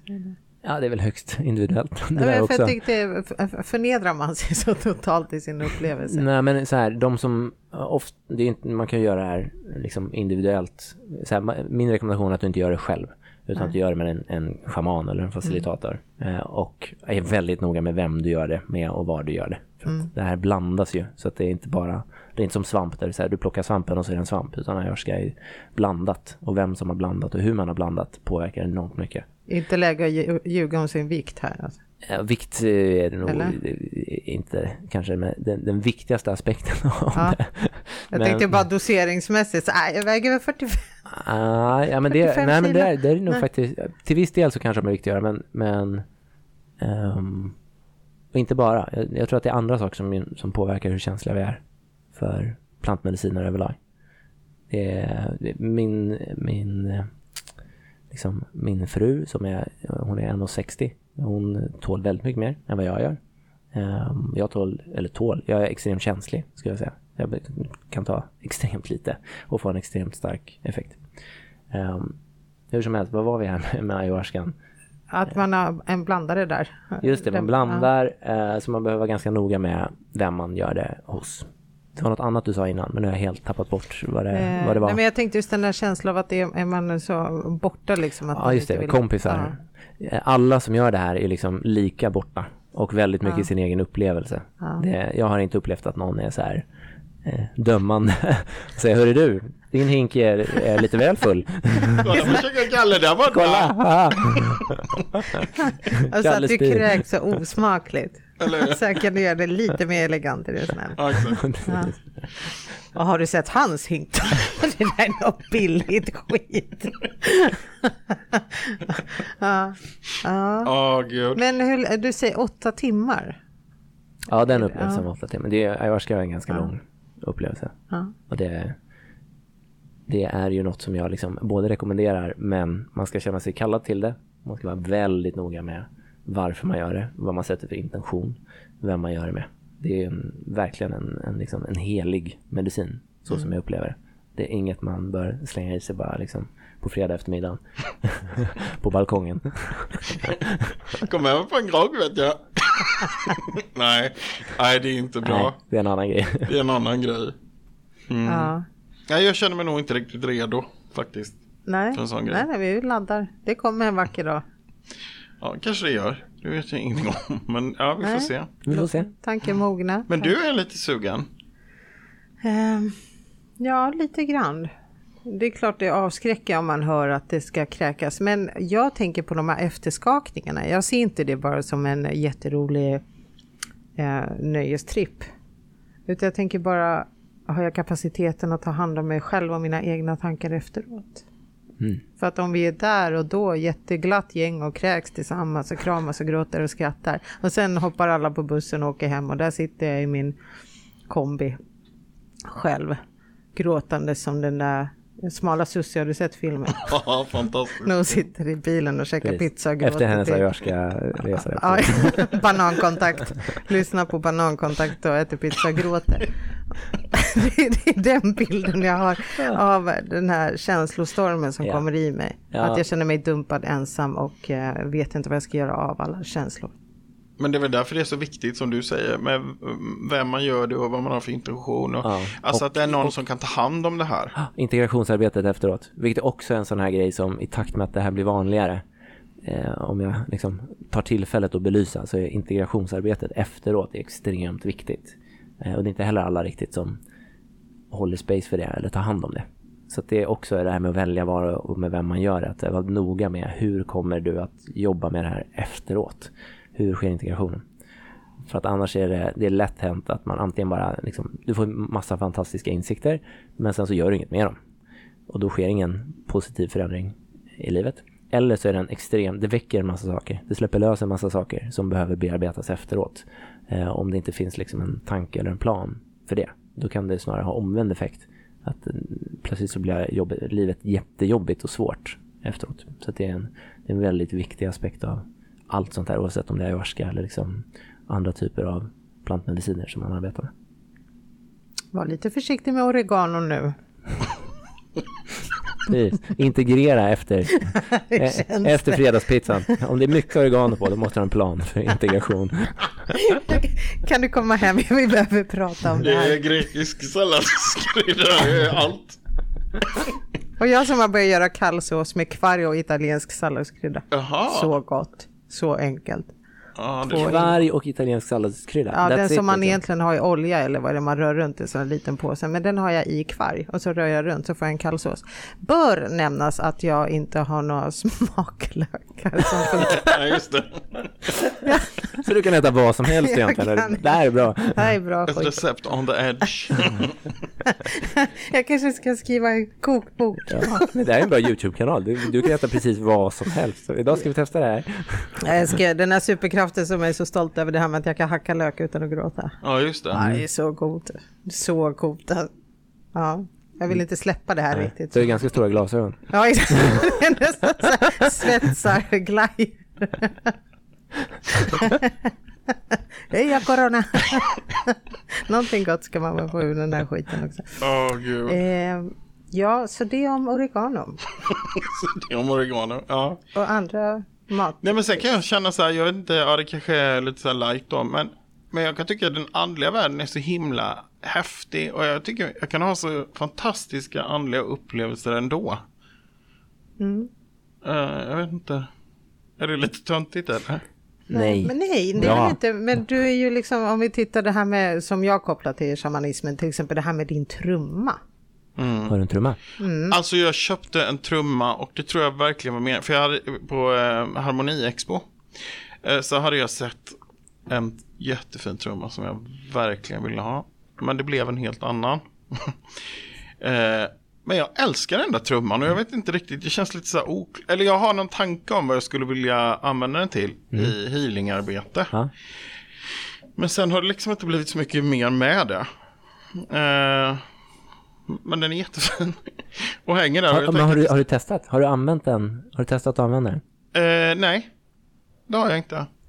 Men, eh, och det roliga var att hon som sålde den till mig, det tänkte jag inte på då, men det tänkte jag på efter, så sa den här tror jag kommer hjälpa dig i ditt healingarbete. Jag bara, ja det hoppas jag. Och sen så bara, fan, vadå, jag har inte sagt något om någon healing. Mm. Eller hur? Så jag tror att det finns någonting där. Det tror jag med. Det, tror jag. det tråkiga är att jag bor i ett flerbostadshus. det är inte rekommenderat för schamaner och, och energiarbetare. Nej, och jag tänkte göra alla andra, bor alla som använder trumma långt ut på landet eller utan grannar? Du får leta efter ett schamankollektiv. Ja. Ja, just det. Eller sen tror jag att om du går in, jag vet inte om det är det familjebostäder du bor, annars kan du gå in på deras hemsida, de kanske har just där trum. Trumrum. Trumrum. Cykelrum. Trumrum. ja, trumrum. Det vore ju fantastiskt. Ja, vi får ju ringa och kolla till exempel Micke Syd. Hur gjorde han när han började lära sig att spela trummor? Är han uppvuxen i villa? Liksom? Ja, just det. Eller han i Europe? Mm. Vad han nu hette. Jag kan inte säga att jag tappar namnet för jag har typ aldrig vetat vad han heter. Så jag kan inte ljuga. Jag, inte jag har glömt bort vad han Nej, heter. men, men eh, ja, precis. Men det skulle vara kul att uh, använda det lite. Och sen så har jag ju köpt den här skallran av Tove. Ja. Den var också, jag var helt tokig. Och jag det bara, den här ska tydliga, jag skulle jag vilja påpeka. Mm. Tydliga tecken. Visst är det väl Trumma skallra, väldigt tydliga tecken. Klassiska tecken. Känns som att du håller på att ramla ner på lätt Men gud, sen har du en sån här, nej inte idag eller? Nej, inte idag har jag inte den. Han har en saltpåse också. Mm. Ja, jag köpte en sån med... Uh-huh. Ja. Mm. ja. Uh, Materiallirare. Ja, det är alla. Ja. Fast, ska ja, se hur mycket och, och, och grejen är, så, ja, ja, men grejen är, jag tänker alltid så här, nej, jag behöver ingen redskap, nej, nej, nej. Och sen så är det ändå hela, eh, hela rummet jag har fullt med mm. prylar. Mm. Mm. Du får börja utforska. Ja, precis. Flytta på landet, jag skriver upp. Dra, dra ett streck, dra ett streck. Ja, precis. Va? Ja. ja, jag kan ju komma till er i Tyresö. Nej, för fan. Jag har jättefina grannar. Jag vill inte bli osams med mina grannar. Du håller dig borta med dina trummor och skallror. Ja, okay då. Så att de inte tror att jag startar något band, så här källarband. Klassiskt källarband. Fjädrar, skallror och trummor. ja, och, och så kommer jag med nytt. keyboard också. Greatest drum hits ever. Det är, det, det är nya gangsterrappen. Ja, precis. Julskiva. Den schamanska julskivan som vi alla väntar på. Kommer ni ihåg den där låten, den där elektropop? jag vill ha, jag vill ha bjällerklang på schamantrumma. Det... Oh. Ja, exakt, exakt. Det blir fint. Jag gillar julmusik. Ja. Tommy Körberg kanske är ledig. Ja, man vet inte. Han kanske vill sjunga in mm. och helga natt. Eller hur? Nej, men skämt åsido. Eh, jag känner också att det finns en väldig energi i den där trumman. Det är liksom... Eh, mm. Ska du inte göra en egen trumma istället? En egen trumma? Ja. Den här är ju gjord av renskinn och... ja, men någon som du själv har skapat. Ja. Nu ska inte du slakta en ren, det var inte så jag... Men det finns Nej. väl färdigslaktade renar? I schamansbutiken. Ja. Och som han, Nils, råkar äga. Det är en av mina startups. Schamanbutiken AB. Ja, toppen. Alltså vi ger ju bort så här mycket bra ja, grejer. Det är bra, någon får plocka upp det här. Ja, ja får vi se vem som är snabbast då. Det är ju ett, det är en ökad efterfrågan så att säga. Det finns ju fler och fler mm. butiker. Det behövs nog fler. Jag skulle gärna säga Ja, du ser. Skriv ja. upp det Pelle. Vi... För mig är det mest utomlands annars som ja. saker dyker upp. Vi har, ja, vi har startat en shamanbutik. Skriver shamanbutik. Shame on you blir det så här. Shaman... Sham, shame, shame and sham, butik. Ja. Shame. Ja, vi klurar lite på namnet. Vi klurar lite på namnet. Ja. Använder du trumma mycket i ditt arbete? Ja. Mer och mer faktiskt. Och har haft en, en snarlik upplevelse att trummor började dyka upp och jag kände mig väldigt kallad till dem och köpte dem utan att jag visste vad jag skulle ha dem till. Och sen så hade jag dem hemma ett bra tag och även skallror. Och sen har jag börjat eh, börja använda dem. Använder du också eh, dem i, i så här healing? Eh? Ja. De, de, är extremt kraftfulla upplever jag i healingarbete. Ja. Ja, det är den känslan jag får. Att det är liksom, vad spännande. Vi pratade om healing också innan du kom.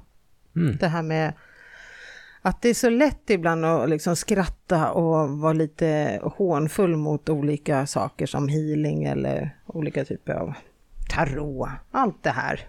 Men sen, ju mer man utvecklas, desto mer insyltad blir man ju. Helt plötsligt kommer man på sig själv att men där ligger man på britsen och så får man ju healing. Mm. Och jag, tänk, jag drog just parallellen att det är som att vara en ateist som sitter och läser Bibeln. Så men varför gör jag om jag inte tror på det här? Så varför skulle jag lägga en timme på det här? Nu håller jag på att testa en grej. För nu vet jag att eh, jag har med eh, en syster. Eh, det blir så tokigt det här språket när man säger att man har systor, syster. Syster. jag har fått en syster. Så att, och då... då min okända syster. Och så fick jag healing. Så nu ska jag gå på ultraljud och se om min syster är kvar. Mm. Men det är ett jättekonstigt ord för, för någon, en parasit. Eh, vad ska man kalla det? Ja. Ja. Ja, men jag vet inte, jag, jag, är ingen läkare, men jag tänker Nej. så att nu har jag i alla fall fått healing. Så jag sa till den här kvinnan som gav mig healing att är, är sy syster Putsbäck så kommer jag höra av mig till henne för att jag har inte tagit emot healing från någon annan. Mm. Eh, för att vi ska veta om det hjälpte. Om det hjälpte. För det mm. otroliga är ju när healers kommer och lägger sin hand, för hon visste inte var den satt heller ja, någonstans. Så, ja, ja. så visst, man kan ju använda lite logik i det fallet också och tänka kvinna, sys, ja okej, runt magen då. Men hon vet inte eh, liksom på vilken sida och så. Och så lägger hon ändå på rätt sida och så blir det jätte, jättevarmt. Yeah. Och den är ju svår att snacka bort för att hon lägger, ja det är klart det blir varmt om du lägger på magen. Mm, men det blir, det blir varmare Ja, men, men, jag kände hon var ju ändå, men säg, det här är så poddvänligt, jag visar med händerna. Måtta upp 2000, 2000 kronor ifrån. Exakt, Pelles 2000 fast vridet åt andra hållet. Ja, men säg att det är... 8, Vertikala 2000 ja. kronor ifrån. Exakt. så långt ifrån, 2000 ifrån. Ja. Och jag kände värmen. Ja. Superhäftigt. Det är så roligt, jag måste få berätta. Jag gick en sån här prova på hos Elisabeth, en kvinna som också har varit gäst här i podden. Jag gick ju på en sån här prova på-kurs som hon anordnar. Eh, allra första liksom kontakten egentligen jag hade med den här världen. Eh, och då var ett, en sån här övning var just att eh, prova på att ge healing. Och jag var ju jätte, jag var ju bara intresserad av det här, och kontakt med andra sidan, ja det verkar spännande och sådär. Det, det, men healing, oh, tillåt mig liksom. ja, exakt. Ja. Mm.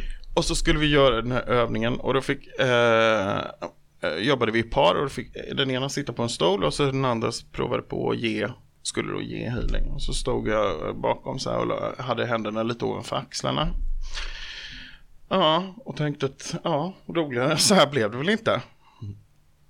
Helt plötsligt så är det sån energi så att jag kan nästan vila mina armar i luften. Alltså det är som en, jag beskrev det som en dåligt upp, uh, uppblåst ballong. Mm. Alltså du vet det här. Uh, att det är lite mjukstuds. Exakt. Ja. Uh, och det var en fantastisk upplevelse och då tänkte jag så här, shit det här med healing det är grejer det. Sen så fortsatte jag ju mm. en ettårig utbildning. Eh, så att man ska inte vara så snabb med att förkasta saker som man kanske vid första anblicken tycker är lite väl crazy eller konstigt eller ointressant. För att det ena leder som sagt, som, precis som du säger, mm. till det andra. Ja, och de i eh. England då, där liksom healing ingår i sjukvården, då kan det inte vara bly bly.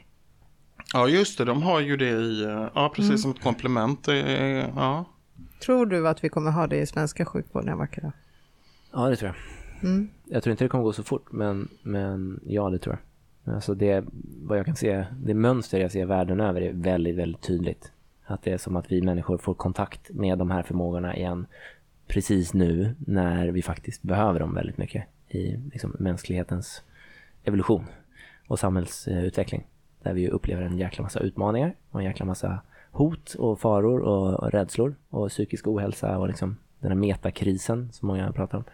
Så jag tror att det här är ett av de verktyg som redan används kommer att användas ännu mycket mer för att liksom hjälpa oss själva genom den här fasen av mänsklighetens mm. historia. Jag är i princip övertygad om det. Mm.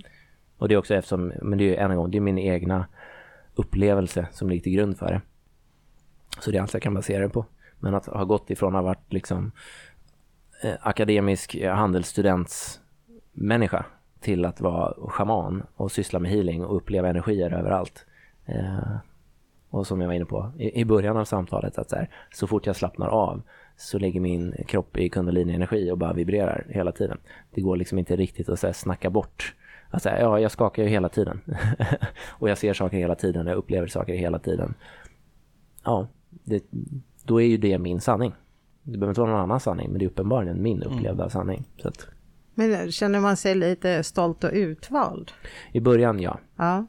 Det är väl, ser jag som väldigt vanligt att så här, i spirituella uppvaknanden så är det väldigt vanligt att man känner sig utvald och jag ska rädda hela världen.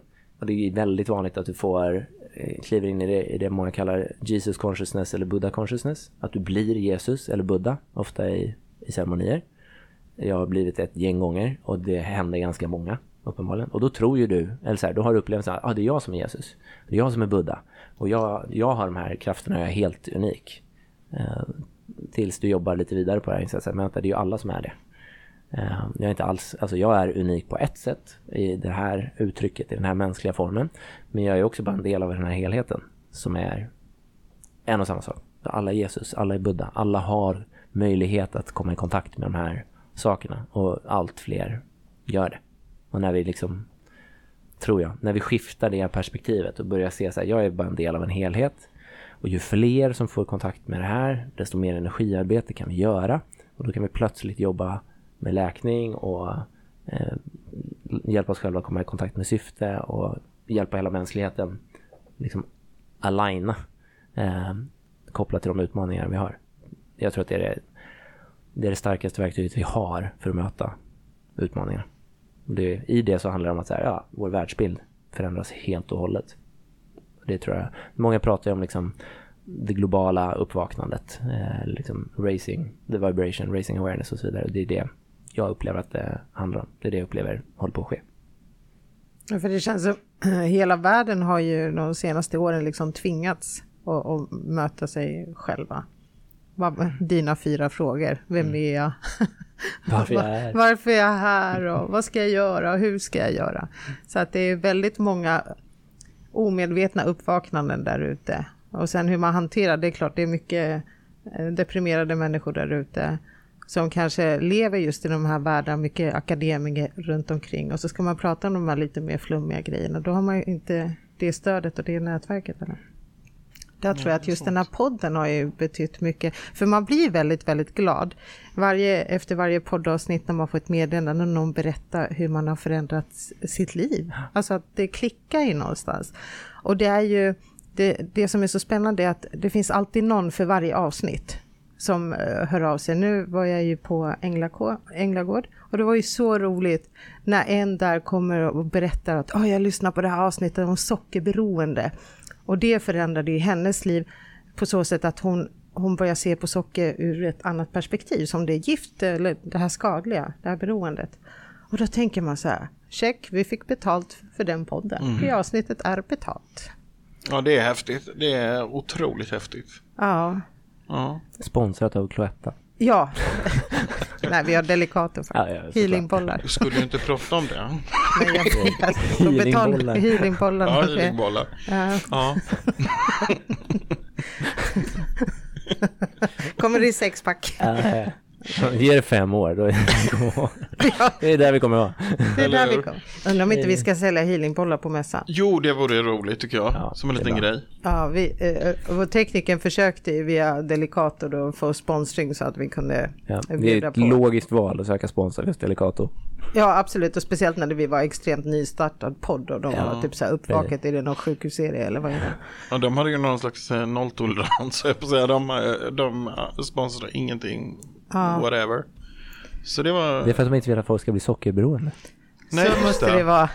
Så måste Då ringer vi Annas pepparkakor istället. Jag älskar deras slogan, ingenting doftar som Annas bak. Fan vad... Är det deras slogan? Det har i alla fall varit det. Eller sen kanske det bara hittar på, men jag tycker det är bra. Mm. Så jag fortsätter sprida det här evangeliet tills någon säger att jag har fel. Nej men jag bor ju i Tyresö så att eh, doften av pepparkakor kommer nu. Ja, för nu börjar det bakas inför Ligger oh. fabriken där? Ja. Aha. Så det är Har man börjat baka i augusti? Ja. Okej. Okay. Det är många pepparkakor. Ja, många de ska till Amerika med ett, Det säljs ju överallt nu för tiden. Så har de väl lite så här outlet där man kan köpa. Nu gör jag reklam här för pepparkakor helt ut. Va? Men ni är ju sponsrade. ja, vi är ju det. Men det är lite som när jag gick på högstadiet i Gränna. Ja. Då var det också så här, det började dofta i typ maj. Eller ja, kanske ännu tidigare. Mm. Och sen eh, luktade polkagris fram till oktober typ. Ja, för sen, sen kan det vara så att egentligen produktionen kanske är konstant likadan året runt. Det är bara att vindarna kommer just på hösten. Det. Det meteorologiskt, ett meteorologiskt ja. fenomen. Det här, exakt, så att det här är, det är inget så här wow vad de säljer mycket pepparkakor runt jul. För jag tror inte att de har en topp. Det blåser lite bara. exakt, så det är bara, nu kommer de här ostvindarna. Jag tänker, gud när man rattar in, jag älskar ju skärgårdsradion. Och varför gör jag det undrar ju Pelle såklart. Ja, verkligen. Verkligen. Tack för att du frågar. Ja. Jo, jag älskar Skärgårdsradion på grund av att de spelar låtar som man inte visste om att man ville höra. För de är så Mm. jäkla gamla. Och det är så konstig genre. Det kan vara liksom Prince, du vet han som dog. Och sen kan det vara Def Leppard. Och sen kan det vara de fyra årstiderna. Vivaldi skrev den. Mm. Det kanske det var sant Kanske där vi sista. redan. Ja. Okej, men ta någon annan då som du tycker är bra. Den spelas också. Så att man vet aldrig vilken låt som kommer. Det är så himla bra med Skärgårdsradion. Men sen finns det en liten nackdel. Och det är den där sjö... Sjörapporten. sjörapporten. Sjörapporten. Jag tycker den är helt fascinerande. Eftersom jag inte är alltså jag knappt förstår den, så tycker jag att det är nästan som ett konstverk. Det är som någon typ av så här installation. Ja, en installation. en, faktiskt. en, Det en, en upplevelse att lyssna. Ja. Tonfall och liksom Ah. frasering, det är helt unikt. Det finns inget annat som Tempo, är sådär. Ja. det här tempo, takt, tonfall. Jag tänker den där, för det är väl män som läser upp den här. Nej, det tror jag- det vill tror jag att- inte är säkert Nej, men jag vill ha lite fördomar här. Ja, okej. Ja, Mer jämställdhet i rapporten. exakt. Och slopa momsen på dill. Men Pelle, du, det här kanske du kan meditera till? Sjörapporten? Sjörapporten, ja. Ja, Du ska ju det. inte hamna i trans, herregud. Kommer aldrig Det- tillbaka. Det är inte någon transhealing han ska hålla på med. det här är nivån, det det är här- nivån över ayahuasca, det är att meditera till Men tänk dig när du är en pojke i dina bästa år, det vill säga 16. Och så sitter det- du och det är- ja, Ja, det är 16 bäst. är det. Ja, det är då det händer. Då är det bäst. Då sitter du och syr konsulenten och så, så tänker du så vad ska jag bli stor? Jo, men jag ska in i Skärgårdsradion, jag ska jobba inom eh, media. Mm. Och jag ska läsa in den här rapporten. Sjörapporten. Och, och då förstår du de här auditions? Så här, hur monotont kan du prata? Hur mycket hatar du livet? Hur o, liksom, kan du ta bort alla nyanser av mänsklighet ur din röst och få det att låta som att du faktiskt njuter av det? Och det är så overkligt. Ja, Jag, jag, jag tycker det är helt fantastiskt. Det är ett Roligt. fenomen. men, men du bor ju rätt sida av stan så du får ju in eh, Skärgårdsradion Ja men det får jag nog. Jag har faktiskt inte testat. Jag bor ju precis på gränsen till skärgården. Precis innan Värmdöbron där. Så jag gissar att jag har täckning på Ja. sjörapport. Kör. Och borde ju. Mm. Det känns som en local grej att lyssna. Men de borde ju ha någon varning, så här, ni som sitter och kör bil, obs nu kommer den här Mm. Så här. rapporten. Alltså, som Precis, Epilepsivarning. Men musiken är bra, vill jag bara återigen så, här, så att Ja, jag inte liksom tappar det här nu. så varför lyssnar hon på Rapport? Men det är intressant, otroligt. Ja, en helt annan fråga. Eh, Det här med meditation. Mm. Det är ju... Eh, alltså använder du, mediterar du mycket? Så kanske jag ska börja med. Eh, ja, det gör jag. Eh, det går i... Det har förändrats, eh, även min upplevelse där, som alla upplevelser, eh, så har förändrats över tid. Um, I början när jag mediterade, så mediterat, då hade jag mer av en tydlig så här, practice. Att jag mediterade på ett visst sätt. Uh, och nu är det... Nu är det mer så här, jag mediterar i vardagen. Jag vet inte hur jag ska beskriva det egentligen. Men som att säga, jag mediterar jämt och ständigt, inte bara när jag sitter i liksom meditationsställning. Och sen har jag um, Eh, eh, jag har ju liksom en bakgrund som tech-entreprenör eh, och något jag ärvt från min far är ett intresse för gadgets och liksom tech-prylar. Så jag har ju en, en otroligt, vad jag tycker, intressant och häftig meditationsmatta från, importerad från USA som den gör tre grejer. Den har infraröd värme, du kopplar in den i väggen liksom. Den har infraröd värme, sen så har den det som kallas PEMF, Pulsating Electromagnetic Field, så den skapar ett elektromagnetiskt fält runt mattan som du ställer in frekvensen på. Och den är fylld av kristaller som joniserar luften eh, där du ligger. Den är helt sinnessjuk. Alltså du faller ner i liksom, djupare dimensioner på fem minuter på den här mattan. Ja, jag dör. Vad kostar, alltså kan man köpa en sån här matta? Ja, det kostar 10 000 spänn. Måtta upp 10 000. Absolut. Så mycket kostar den. Så mycket kostar det. Ja. Där var du ändå bredare än mig. Men jag säger. Men det där handlar ju också om perspektiv. Ja, men när Alltså, jag var att- Nu var det kopplat till en meditationsmatta. Nu var kanske värdet större för att Ja. det hade med det att göra. Ah, okej. För att när- när man är ensamstående med två barn och tjänar så här 14 000 i månaden och har en hyra på fem och ett halvt. Då är det, då är, då på ja, riktigt alltså. Nej, då, då måste man lära sig meditera. Det, då måste man ha en matta. Då måste man ha en matta. För ja. fan att ta hand om barn. Exakt. Då måste man bara få koppla bort sig själv. Så ja, det var barnen som var problemet. då lägger man barnen på mattan.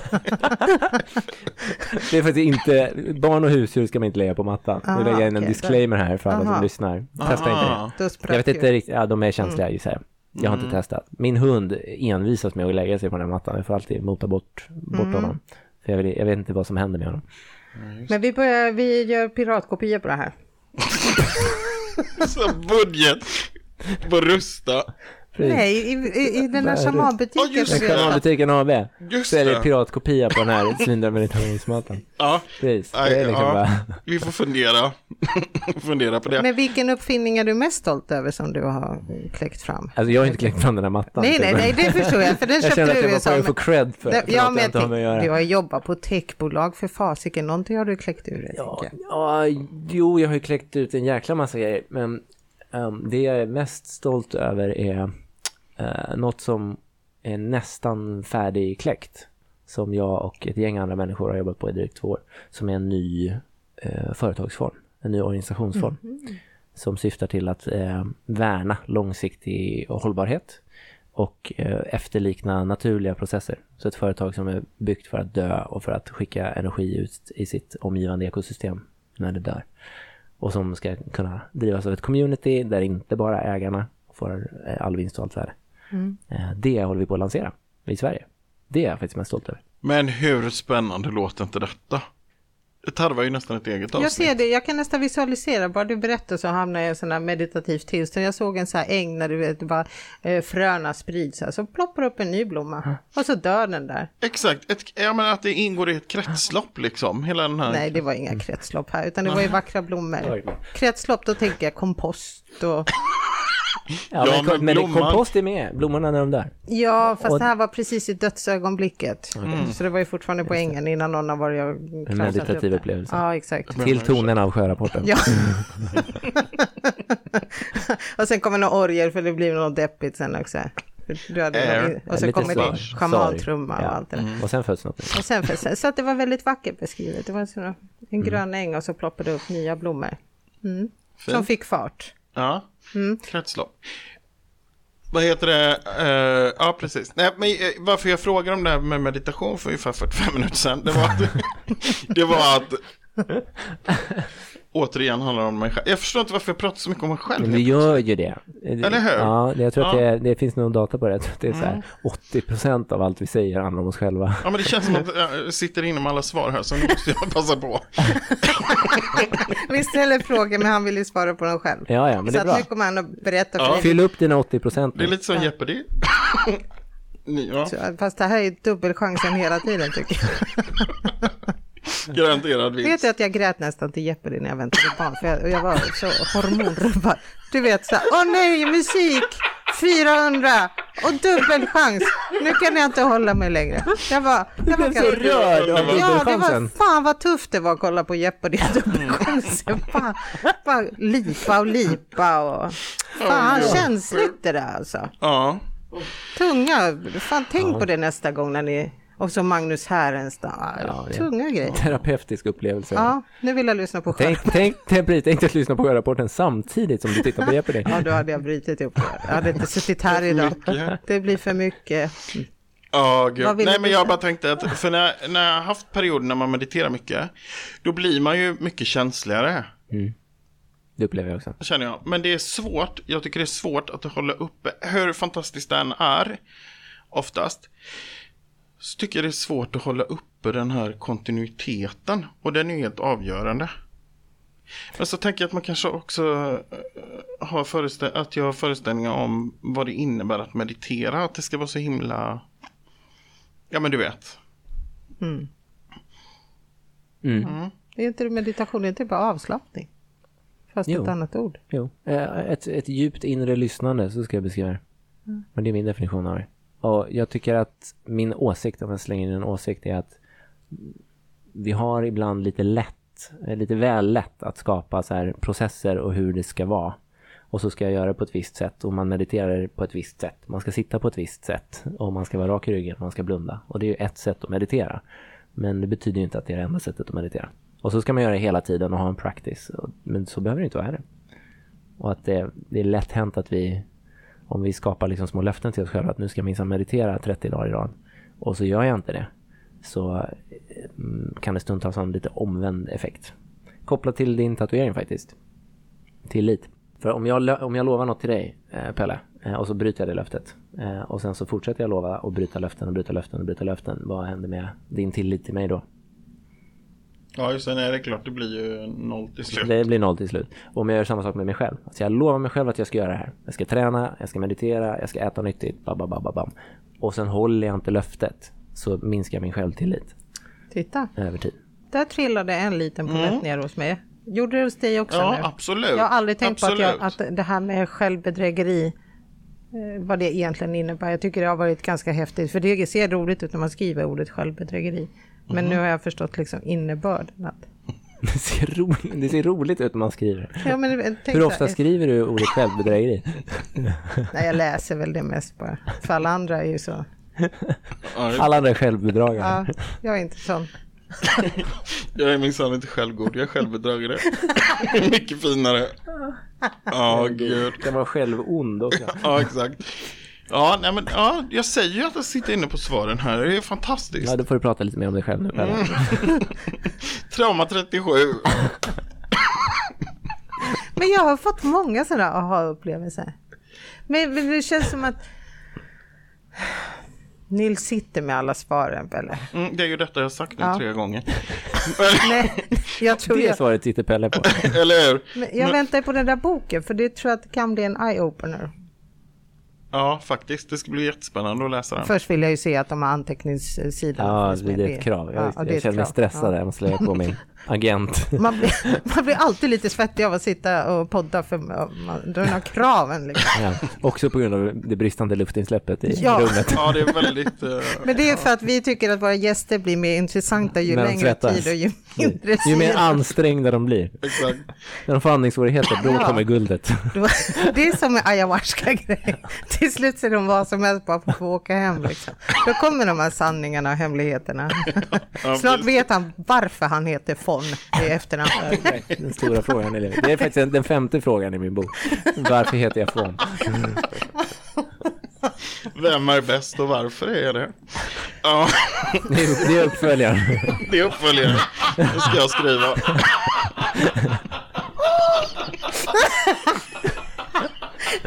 Gud, de som är självgod, vilka arslen de är. Åh oh, gud. Vem är bäst och varför? Pelle. Oh. En sida, det står bara jag i versaler. Ja, precis. Det blir en Hela boken. och sen därför på sida två. Åh oh, gud. Ja.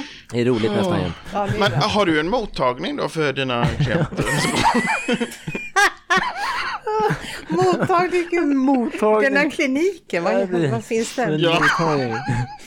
Så här, väntstolar. Jag, var, min, min, eh, jag var precis på Gotland där min släkt har ett sommarställe och där finns det en, i, i vår lilla eh, stuga eh, så finns det en soffa som är nedärvd från mina farföräldrar som båda gått bort. Och det här är, vi har kommit fram, det här är en väntrumssoffa. Det är en sån soffa som finns i väntrummet hos tandläkaren.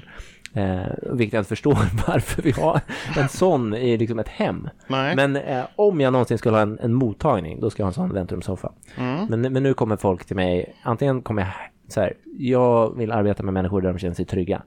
Eh, och då är det antingen hemma hos dem, men oftast är det hemma hos mig. Okay. Så det, är, det, är ett, det är ett hem med ett, eh, en, en del där vi gör sånt här arbete, snarare än en, en mottagning. Min fru skulle inte gilla om jag kallade det mottagning. Tycker ändå det är en viss...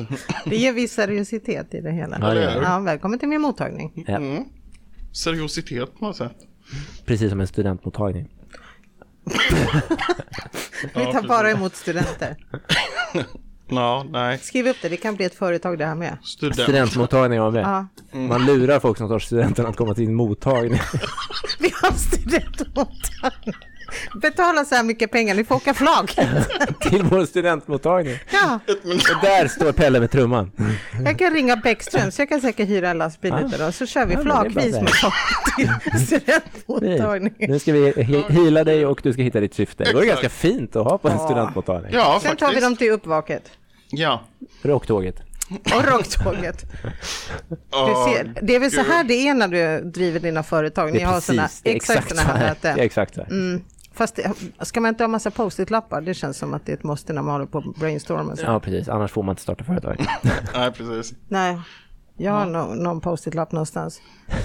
Ja, jag har ju två skärmar som jag sitter framför på. Ja, alltså Med post-it-lappar kontor på. Här och det Ja. är post-it-lappar hela vägen. Ja, just det. Du använder dem inte som skärm utan bara Nej, som... bara, bara, ja. Med ditt lösenord till datorn då förstås. ja precis. Precis. Jag kunde ge Åh, mig Gud. fan på. Eh, ja, eh, Pelle, du har ju fått en egen eh, punkt i det här programmet. Ja, just det. Idag har jag faktiskt en liten programpunkt. Ska vi köra trudelutten du Mm, som kan har vi göra. Nu kommer den. Pelle tipsar och killgissar. Jo, eh, om man som jag tycker det är roligt med lite så här forsknings, eh, när det gäller det här andliga och så. Så finns någonting som heter Sällskapet eh, för parapsykologisk forskning. Och eh, om man går in på deras hemsida, det är ju bara att googla, så finns det forskning, litteratur i det här ämnet. Allt som har med, med parapsykologi att göra.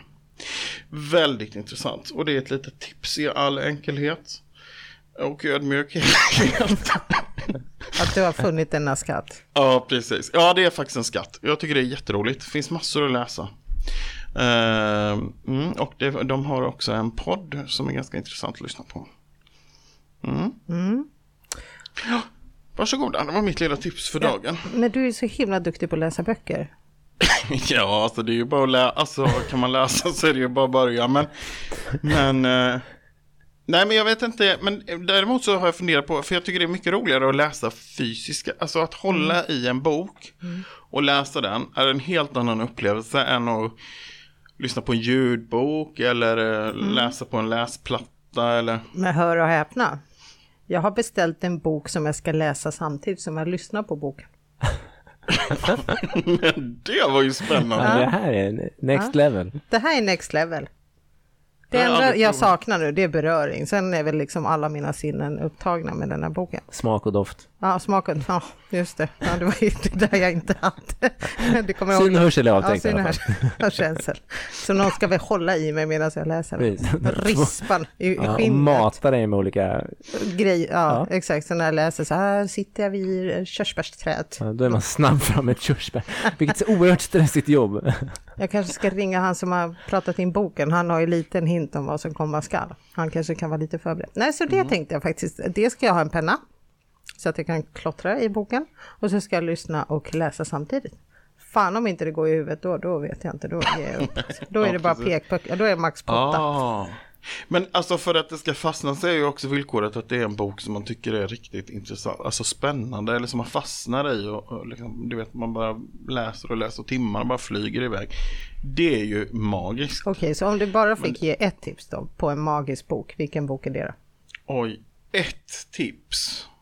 Eh, alltså jag gillar ju så här lite biografier och sånt. Det finns faktiskt en författare som jag gillar väldigt mycket och som är väldigt gammal och det kanske låter jättetråkigt. Men eh, som heter Moa Martinsson.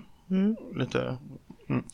Och hon har skrivit eh, väldigt många intressanta bra böcker. Alltså hon är en fantastisk berättare om hur Sverige var förr och det här välfärdssamhället som växte, eller ja, långt innan bondesamhället. Och, ja, hon, hennes karaktärer är så levande. Ja, men det skulle jag verkligen vilja tipsa om. Moa Martinsson. Eh, vilken bok som. Nu är det min tur eftersom du frågade vad jag skulle vilja tipsa om. Mm. Tackar för att du frågar. Varsågod. Jag säger det, jag har säkert sagt det åtta gånger, men jag kommer inte med andra boktips så jag kan säga samma igen. Liftans guide till galaxen. ja, just det. Alltså jag älskar den här boken. Alltså jag verkligen älskar den här boken. Och för att det här är så här hatkärlek till den här boken, för jag fick ju den när jag var 15 år gammal av min moster. Det, den är jäkligt tjock. Och jag gillar inte science fiction. Och då känner jag nästan som att när man har fått, om man är typ nykterist och har fått en flaska vin i present, det känns som att, men gud känner inte du mig?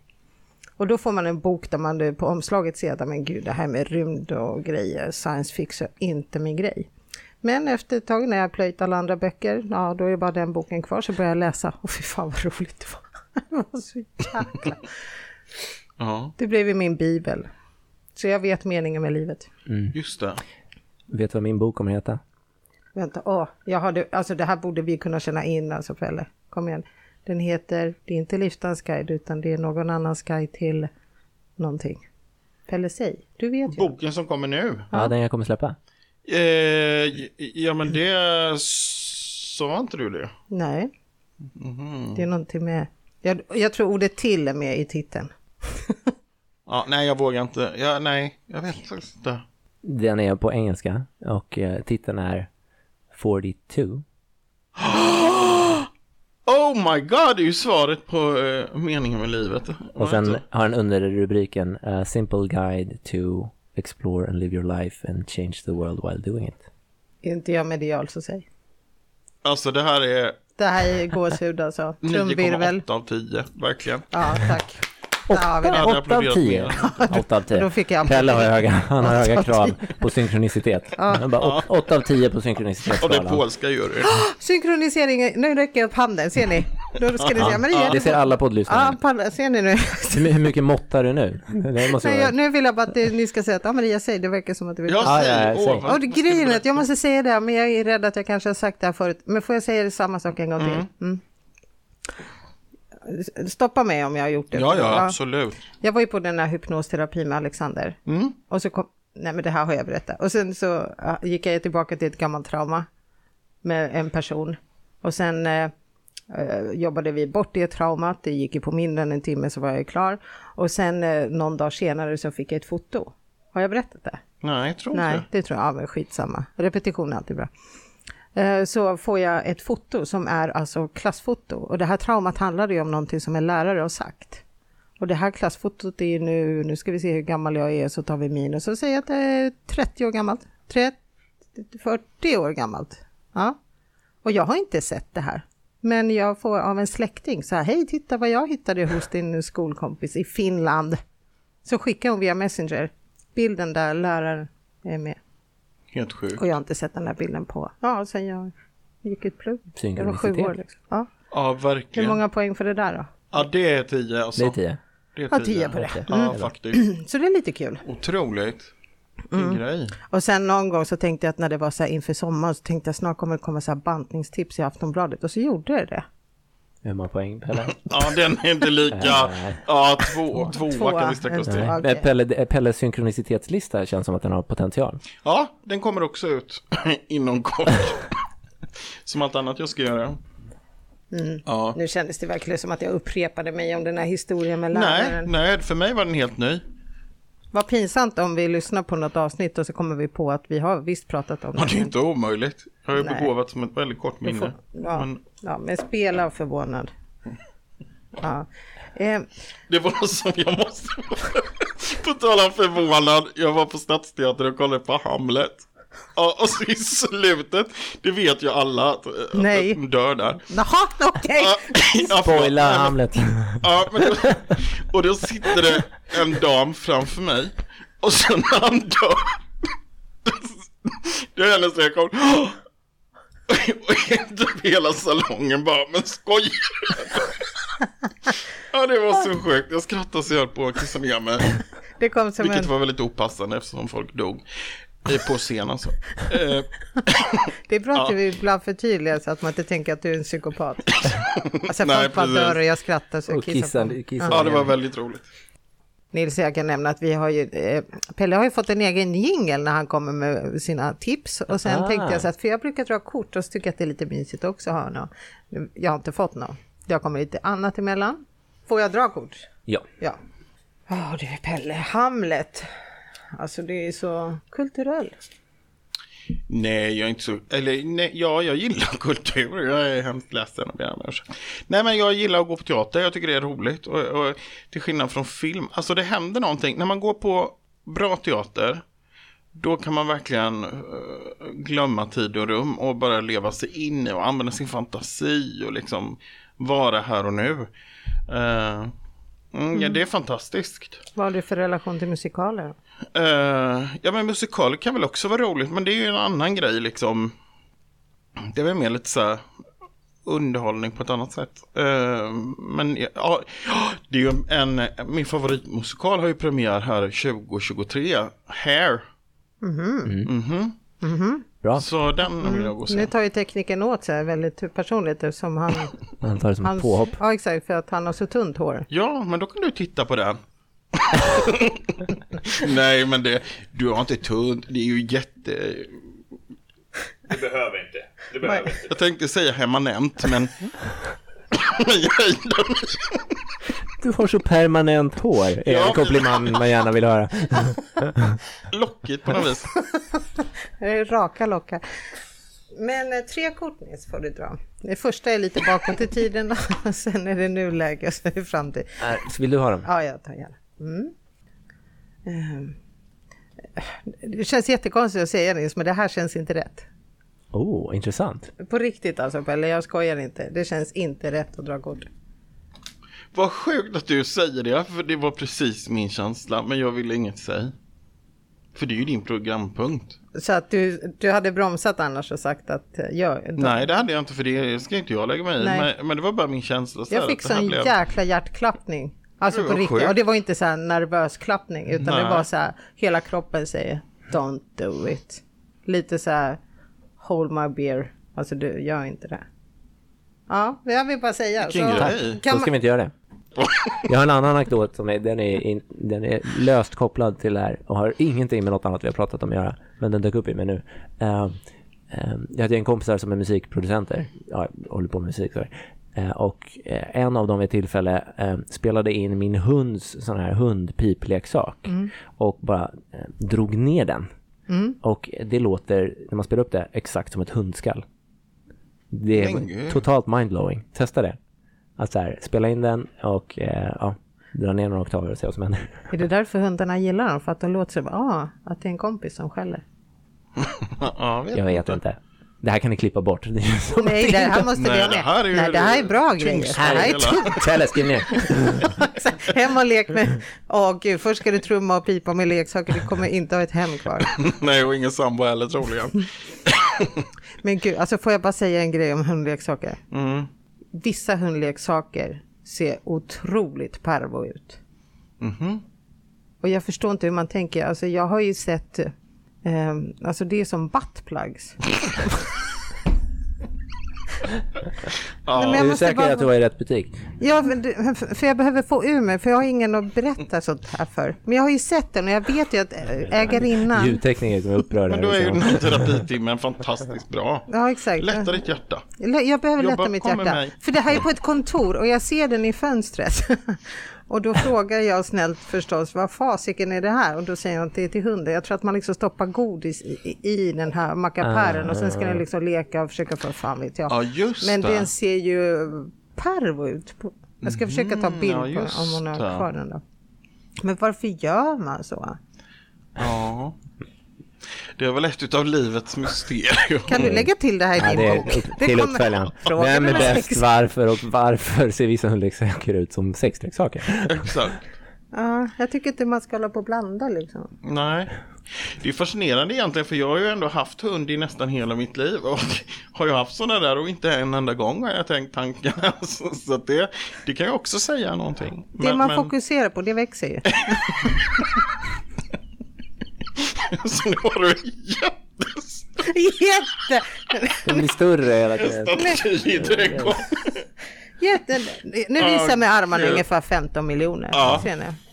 Ja, gud. Ja, eh, känner du Nils att du skulle vilja göra business med oss? Känner du? Skulle inte det bli framgångsrikt så vet inte Ja, jag. jag, jag, jag känner mig faktiskt trygg i om jag får vara med på schamanbutiken på ett hörn. Vi behöver lite techtips på den där mattan som jag ska Ja, löda, Ja, precis. löda i garaget. Löda ihop. Så får man värsta stötarna. Vi söker frivilliga till en pilotstudie. Alltså kan vi börja Ja. sälja aloe vera, det är väl bra mot brännskador? Ja, det har jag en hemma. Det här börjar spåra Pelle, för Ja. nu känner jag ju mer jag svettas desto knasigare Ja, blir jag trött. Det är kroppens sätt att säga att nu, ja, det är slut, det är slut på, på syra här inne. ja, Men det är nu Ja, guldet verkligen. kommer. det är nu guldet. Ja, men, men det är otroligt att lyssnarna inte liksom fattar storheten. Det här med hur mycket pengar det går att tjäna på alla idéer vi kläcker.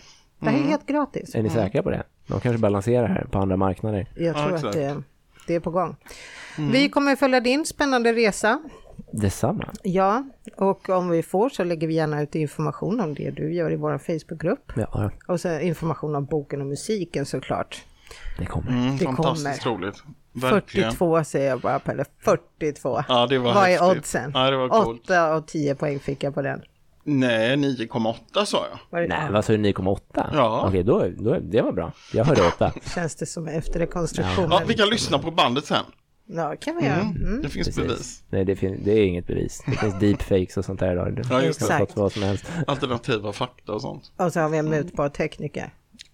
Ja, det är... Ja.